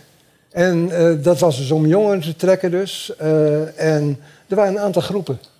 Die zeiden van, dat weigeren wij. Want kickboksen is geweld gebruiken. En dan kunnen we niet meedoen. En mijn kleindochter is met kickboksen ook bezig trouwens. Um, maar ik ben er toen geweest. En ik heb toen gezegd, dat is een heel ander mechanisme. Wat een heel gevaarlijk mechanisme is onderling ook, want ze hadden echt slaande ruzie, is het mechanisme van de zuiverheid. Denk, ik ben 100% zuiver en daar al die andere mensen zijn ketters of weet ik wat en niet zuiver. Ook dat is een heel snel mechanisme om geweld te krijgen. En wat je op allerlei manieren ook terugziet. Dat zie je ook terug natuurlijk weer in het fundamentalisme van de islamitische staat. Dus. Teruggrijpen op de meest zuivere islam. En alle mensen die er niet aan beantwoorden, dus veroordelen. Mag ik daar even een vraag in het verlengen? Als we over kickboksen hebben, hebben we het over Aziatische vechtsporten. Aziatische vechtsporten in die cultuur hadden de functie om door een bepaalde cultivering van het geweld een bepaalde de verhouding tussen mensen enigszins te reguleren. Je zei straks dat in Singapore kon ook wel zo'n proces ontstaan dat men daar tot instituties van vreedzaam vechten komen. En dan denk je van nou misschien dat door het teruggaan naar het eigen potentieel van de eigen traditie in allerlei culturen mogelijkheden worden gevonden om ook tot vormen van vreedzaam vechten eh, te komen. Hè? Uh, ten, ten aanzien van de westerse cultuur maak jij die strakke scheiding, Willemijn refereerde ook aan tussen moderniteit en premoderniteit. En gelukkig zijn we in de moderniteit helemaal vanaf punt nul begonnen. Thomas Hobbes is een typische punt nul filosoof. Die gooide alles verder wat hij om zich heen zag weg en die begon met een hypothetische constructie. Gelukkig zijn we in de moderniteit met punt nul begonnen en hebben we de wereld in deze instituties opgebouwd. Er zijn ook hele stromingen in de filosofie, Charles Taylor is daar een prachtig voorbeeld van, die zeggen dat juist de moderniteit erbij gebaat is om allerlei potentiële in de premoderniteit op te zoeken Nee, dat heb ik maar bij een parels van Hannah Arendt gezegd allemaal. Ja, die parels. Je kunt nooit als moderniteit van nul beginnen. Ja, maar dan wordt Sorry, het wel ingewikkeld. Nee, maar het is leuk dat je onderbreekt, want dan wordt het wel ingewikkeld. Want van de ene kant zeg je, scheid die moderniteit, premoderniteit, dat is een uitgangspunt en wij zijn gewoon een nieuw experiment begonnen. Ja. Maar van de andere kant heb je ook analyses dat bijvoorbeeld het christendom, ja. premodern, de voeding heeft gelegd voor een vorm van individualisme. Dat in handelsmarktkapitalisme en andere vormen van vreedzaam vechten eh, over ideeën van, van gemeenschap en samenleven in de premoderniteit, waar ook de voedingsbodem ligt voor hedendaagse democratie enzovoort. Dus ga je nou toch misschien een nieuw boek schrijven dat je zegt, ja, er zijn ook elementen in de premoderniteit waar we ook, die we wel vast hebben moeten houden en niet helemaal die moderniteit Jawel, van maar dat, heb ik, dat, staat ook, dat staat ook Marcel in het boek, dat heb ik ook gezegd. Uh, je kunt nooit, we citeren een boek met een uh, de, mooie titel, maar hij bedoelt het anders. Uh, Bruno Latour, we zijn nooit modern geweest, we kunnen ook nooit modern worden dus. We zijn op weg, nou heb ik gezegd, naar moderniteit. Dat wil zeggen, we hebben een aantal principes die we gelukkig niet allemaal... We hebben dat verleden nodig. Um, en als wij uh, het recht uh, analyseren, dan zeggen we zonder meer, dat is een hele lange traditie, die begint met Hammurabi. Ik bedoel, eh, in de traditie. En dat gaat dus door eh, naar de moderniteit, waarbij mannen en vrouwen voor het recht gelijk zijn. Dat was in het verleden niet zo. Ja. Lees het eh, oude. Maar het recht is heel erg belangrijk. Ook al staat er heel netjes dat als je in het Oude Testament een vrouw verwondt, dat je dan, eh, eh, weet ik wat, die en die schade moet betalen bij een man twee keer zoveel. Eh, maar op zichzelf is het recht een heel belangrijke institutie, die natuurlijk zo oud is als de mensheid. Ja, je wijst op de religieuze fundamenten van het recht bijvoorbeeld. Ja, en het individualisme is denk ik inderdaad Ja. een vrucht van het christendom. Wat ik deels heb aangevallen doordat ik zei met Hobbes, het was een geestelijke gelijkheid. Maar het was wel een inspiratie ook voor de inderdaad werkelijke gelijkheid. Dus. Ja, ja en dat, dat is inderdaad zo. Ja. Zaal, ja. Ehm, nou, ik heb het boek nog niet helemaal gelezen, eh, zei ik net. En ehm, eh, eh, democratie noemt u als een van eh, de middelen, de rechtsstaat, eh, om vreedzaam te blijven leven. Eh, nou vroeg ik me even af, ehm, vindt u niet dat daar ook nog een ondergrens is, eh, als die eh, ondergrens wordt bereikt, dat geweld toch eh, ge- gerechtvaardigd zou zijn? En dan bedoel ik eigenlijk, ik, ik, las een heel interessant stuk in eh, de Volkskrant een paar maanden geleden. En dat ging over het boek van George van den Berg. Ik weet niet of die die kent. Dat is een oratie uit 1936. En Ja, daar bestreed hij voornamelijk het nazisme. En Ja. hij zei van ja, er zit een ondergrens eh, Ja. aan, aan groeperingen die eh, antidemocratisch zijn. Ja. Eh, en zegt van ja, als je in een democratie heeft de meerderheid gelijk, maar een democratie is belangrijker van een democratie is dat het volk altijd moet kunnen terug in, in fouten moet kunnen terugkeren en weer opnieuw kunnen stemmen. Ja. Dus daarom zegt hij van ja, je moet eh, eh, groeperingen zoals nazisme, maar ook de sharia moet je eh, altijd blijven bestrijden eh, in de, binnen de democratie. En in, in hoeverre eh, is in dat, op dat punt dan geweld eventueel toch gerechtvaardigd? Ja, is dat geweld? Eh, ik heb het boek eh, willen bespreken in de Volkskrant, maar het werd al door iemand besproken inderdaad, ja. Ja. Mooi boek. Eh, zijn redenering is in feite, hè, dus, en het gaat dan over het nazisme en de NSB, want het is een oratie uit 1936. Hè? Ja. Ehm, wat hij zegt is in feite van de enige, of het enige wat je zou kunnen verbieden, is een beweging die openlijk zegt dat ze de democratie willen afschaffen. Ja. Verder bewegingen die dus, eh, ook al willen ze de meest vreselijke dingen, maar binnen democratie, eh, de meerderheden, kun je terugdraaien. Ja. Want daarna kun je het volgende. Maar als een beweging openlijk zegt, we willen de democratie afschaffen, dan kun je dus, als zij de meerderheid zouden krijgen, kun je nooit teruggaan. En dat is een inderdaad slimme redenering, vind ik, om te zeggen van, nou, zo'n beweging zou je kunnen verbieden. Ik weet niet of je dat geweld moet noemen. Ik zou gewoon zeggen van, als je die democratie zo hoog acht, is dat een eh, manier om te zeggen van, dat kan dus niet. Dus, maar nogmaals, niet een beweging die zegt van, we willen dit en dit en dit, maar dat afschaffen van democratie is het springende punt, hè? Want dan kun je nooit terug. Ja. In dit stuk ging, ging, ging het nog verder in die zin dat eh, ze zeiden van ja, terroristen, eh, eh, daar is het- het geweld ook wel eh, gerechtvaardigd in die zin. Eh, hè, want eh, ja, dan word je direct als democratie aangevallen. Ja, ik denk dat in bepaalde gevallen eh, ben ik de laatste die zegt dat je je niet Ja. zou mogen verdedigen in elk geval. Nee. Eh, en dan zul je soms geweld gebruiken. Ja. Maar daar gaat Van den Berg niet meer over, hè? Nee, nee, dat eh, klopt. dat Ja. kan dus de Ja. essentie zijn geweest. Ja, ja precies. Willemijn, Oké. over deze vraag of de actualiteit? Ja, nou, het is een, als, ik denk als direct geweld tegen gebruikt is natuurlijk, die, wat, wat eh, Hans ook zegt, is natuurlijk verdediging is altijd gerechtvaardigd. Ik denk alleen wel, waar ik eerder ook aan probeerde te eh, eh, refereren, je moet je afvragen of geweld iets oplevert als reactie. Dat is natuurlijk een tweede vraag. Eh, le- levert geweld niet nog meer onvrede op eh, en eh, uiteindelijk nog meer terroristen? En moet je het niet toch meer proberen te begrijpen waar die mensen vandaan komen en te kijken wat daar ook politiek aan de hand is, ook in het Midden-Oosten, en wat we daar zelf voor rol in spelen, et cetera. Dus ik denk twee verschillende vragen. Is geweld geoorloofd en is geweld ehm, zinvol? He- levert het wat op? Dat zou ik misschien nog Ja. aan toe willen voegen. Nou ja, je, je, nou, je, nee, je niet. Maar ik heb ongeveer ditzelfde in de Volksstand een week geleden geschreven. Eh, dat moet je dus niet zeggen, want dan krijg je dus een bagger en heet mail over je heen. Oh ja. Dat is vreselijk. Ja. Dat is vreselijk. Ik bedoel, eh, gewoon dat ik dus zei van je moet proberen te begrijpen en hoe dan de reactie moet zijn.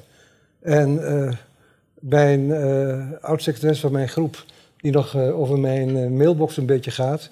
Dus Peter zei van nou, ik heb een aantal dingen maar niet doorgestuurd, want dat wil je liever niet lezen wat je te horen krijgt. Dus dat ligt niet zo goed, maar ik ben het helemaal met je eens dus. Ja.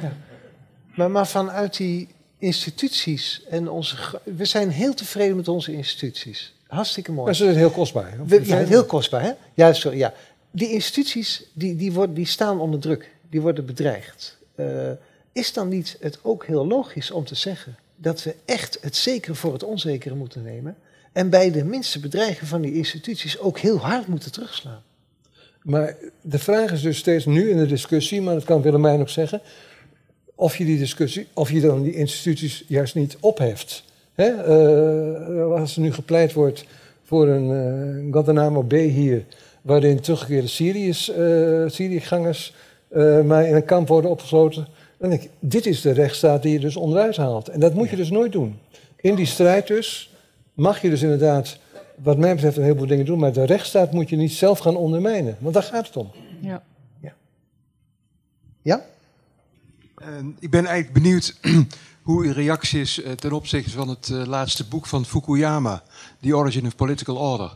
U hebt het gelezen, neem ik aan. Ik heb het besproken Besproken zelfs. in de ja. Volkskrant. Ja, dat, oh ja, zo. Ehm, maar dat sluit erg mooi aan bij uw boek. Hè? Dat ontzettend sluit veel heel erg goed aan, in. ja. ja. Eh, ja, misschien dat de zaal. eh, Ja, de- en de zaal denkt dan meteen, Wie- wie- wie nu hebben we Fukuyama van eh, 1990, maar er is geen sprake van in het laatste boek. Het is The Origins of Political Order. Dat laatste boek, deel 2 in elk geval. En hij laat zien dus hoe met name dus democratische, of in elk geval politieke instituties, het eerst in, in China opkomen. Helemaal niet in het Westen dus. En eh, hoe de rechtsstaat zich hier ontwikkelt. Maar ik heb in die recensie gezegd dus, ehm, het is opgedragen aan zijn leermeester Huntington. Het lijkt ontzettend veel op eh, The Clash of Civilizations. Hij beschrijft die verschillende culturen, die vaak veel ouder zijn in het Westen. Ook een rechtsstaat die veel ouder is soms dan in het Westen dus. Maar tegelijkertijd laat hij zien er zijn culturele verschillen. En hij maakt ook geen keuze weer van, eh, inderdaad, van het Westen is beter of zo. Nee, ik vond een, eh, een heel mooi boek, maar wel een beetje, nou ja, twee dikke delen. Maar goed, ik heb het wel gelezen en besproken, ja. Ja. Dit voor de mensen die niet het hele boek van Fukuyama en niet ook het hele boek van Hans Achterhuis hebben, hebben gelezen. Ja, ehm, ik kijk even. Hoe ver, ja, we, ehm, zaal. Eh, ja, ik heb misschien een iets wat simpele vraag, maar eh, voor zover ik het heb begrepen, sluit me mee eh hiërarchie een beetje uit dan andersom, volgens uw verhaal. Maar zou het dan niet vanuit uw positie dan, het is maar een aanname, zoiets betekenen als dat een hiërarchie of iets dergelijks dan eh, actuele conflicten zou kunnen uitsluiten, zoals het nu gaande is? Wacht even hoor. Dat laatste hoorde ik niet helemaal. Of een hiërarchie. Eh, zou, zou een dergelijke hiërarchie dan niet misschien in traditionele mate, maar misschien iets dergelijks betekenen vanuit uw visie dat dat eh, actuele conflicten zou kunnen uitsluiten? Ehm, nou, er zijn bepaalde conflicten die door een vaststaande maatschappelijke hiërarchie worden uitgesloten. Ehm, mijn punt is dat onze moderne maatschappij buistend vol zit met conflicten vergeleken met traditionele samenlevingen. Want toen wist iedereen zijn of haar eigen plaats en waren die conflicten er niet. En, maar wij, nogmaals, we gaan er redelijk mee om. Ik heb als voorbeeld genoemd eh, het boek van uh, Disgrace, um, in ongenade, waarvan de Nobelprijscommissie dus zei toen hij Nobelprijs kreeg, dat is een boek wat onze conflictueuze moderne werkelijkheid op allerlei manieren laat zien. En dat klopt dus. Want de conflicten in het boek van Coetzee zijn conflicten die in het verleden niet voorkomen. In de eerste plaats tussen mannen en vrouwen. Die kwamen veel minder voor in het verleden, want vrouwen wisten hun plaats. Uh, de hoogleraar-docent wordt aangeklaagd door zijn studenten die hij aangerand heeft. Nou, daar was in het verleden geen sprake van. Ik weet toevallig iets van Heidegger. En niet alleen maar de relatie tussen Heidegger en Hannah Arendt. maar ook hoe Heidegger met studenten omging. Er was geen student die in die tijd dacht, ik ga mijn professor aanklagen. En ik vind het dus een geweldige vooruitgang dat het wel kan dus. Maar dat betekent dus dat veel meer conflicten zijn. Vader en dochter in het boek. Bijna op scherp van de snede. Vroeger had een dochter, of een zoon dan, gewoon te luisteren naar de ouders. Maar nu is de dochter die de vader zegt van... hé, hey, hey, dit pik ik niet en je verdwijnt hier maar. Dus het boek zit vol met conflicten, blanke en zwart, allemaal dus. Hè? Uh, maar het gekke is, er gebeuren vreselijke dingen... maar aan het eind van het boek is er niemand dood. En dat zegt dus iets over moderne samenleving, hoe pijnlijk die is... hoe je voortdurend met conflicten te maken krijgt die je vroeger dus niet had... maar die toch redelijk met alle pijn en ellende erbij dus inderdaad verdragen kunnen worden. En dan gaat Lucie, de dochter, ook door. Die gaat niet weg, die vlucht niet weg daarvoor. Die wil dus in Zuid-Afrika blijven. En zelfs mensen en dieren komen bij elkaar uh, aan het eind van het, uh, van het boek. Willen wij? Ja, nou, misschien als ik iets uh, kan toevoegen vanuit mijn eigen vakgebied, zeg maar. Daar is een, een jaar of tien geleden is er een onderzoek gedaan wat heel veel stof heeft doen opwaaien. Statistisch onderzoek over de samenhang tussen geweld en het soort systeem dat een land heeft. En daar kwam eigenlijk uit dat democratieën, inderdaad zoals u beschrijft en ook om de redenen die u beschrijft, weinig gewelddadig zijn. Datzelfde gold ook voor hele hiërarchische samenlevingen, voor dictaturen. En het is eigenlijk die tussencategorie van ja. net niet democratisch, net niet uh, uh, autoritair, misschien in transitie van het een naar het andere, waar eigenlijk het meeste geweld voorkomt. En dat zien we ook bijvoorbeeld na de Arabische lente. Dat echt een duidelijke bevestiging ook van die, uh, van die hypothese. Dus dat, dat bevestigt echt, denk ik, dat uw verhaal. Dat, hè, dat ofwel op, op verticale manier, ofwel op een horizontale manier dat geweld uh, kan worden beteugeld. Wel even ten zeg maar, om in te brengen tegen die verticale manier, tegen die dictatuur. Je zou kunnen zeggen, nou prima, die zijn dus, daar is dus ook weinig geweld.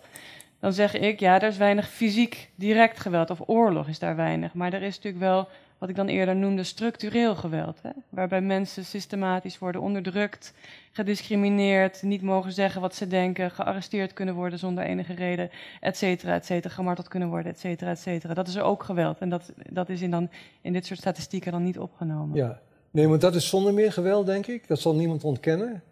Um, ik vind het dus wel problematisch om ongelijke verhoudingen in, laat ik het woord toch maar gebruiken, in de samenleving, om die zonder meer gewelddadig te noemen. Uh, het is een kwestie ook van, van zelfsprekendheid.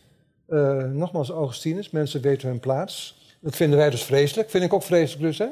Maar de vraag is hoe het daar beleefd werd.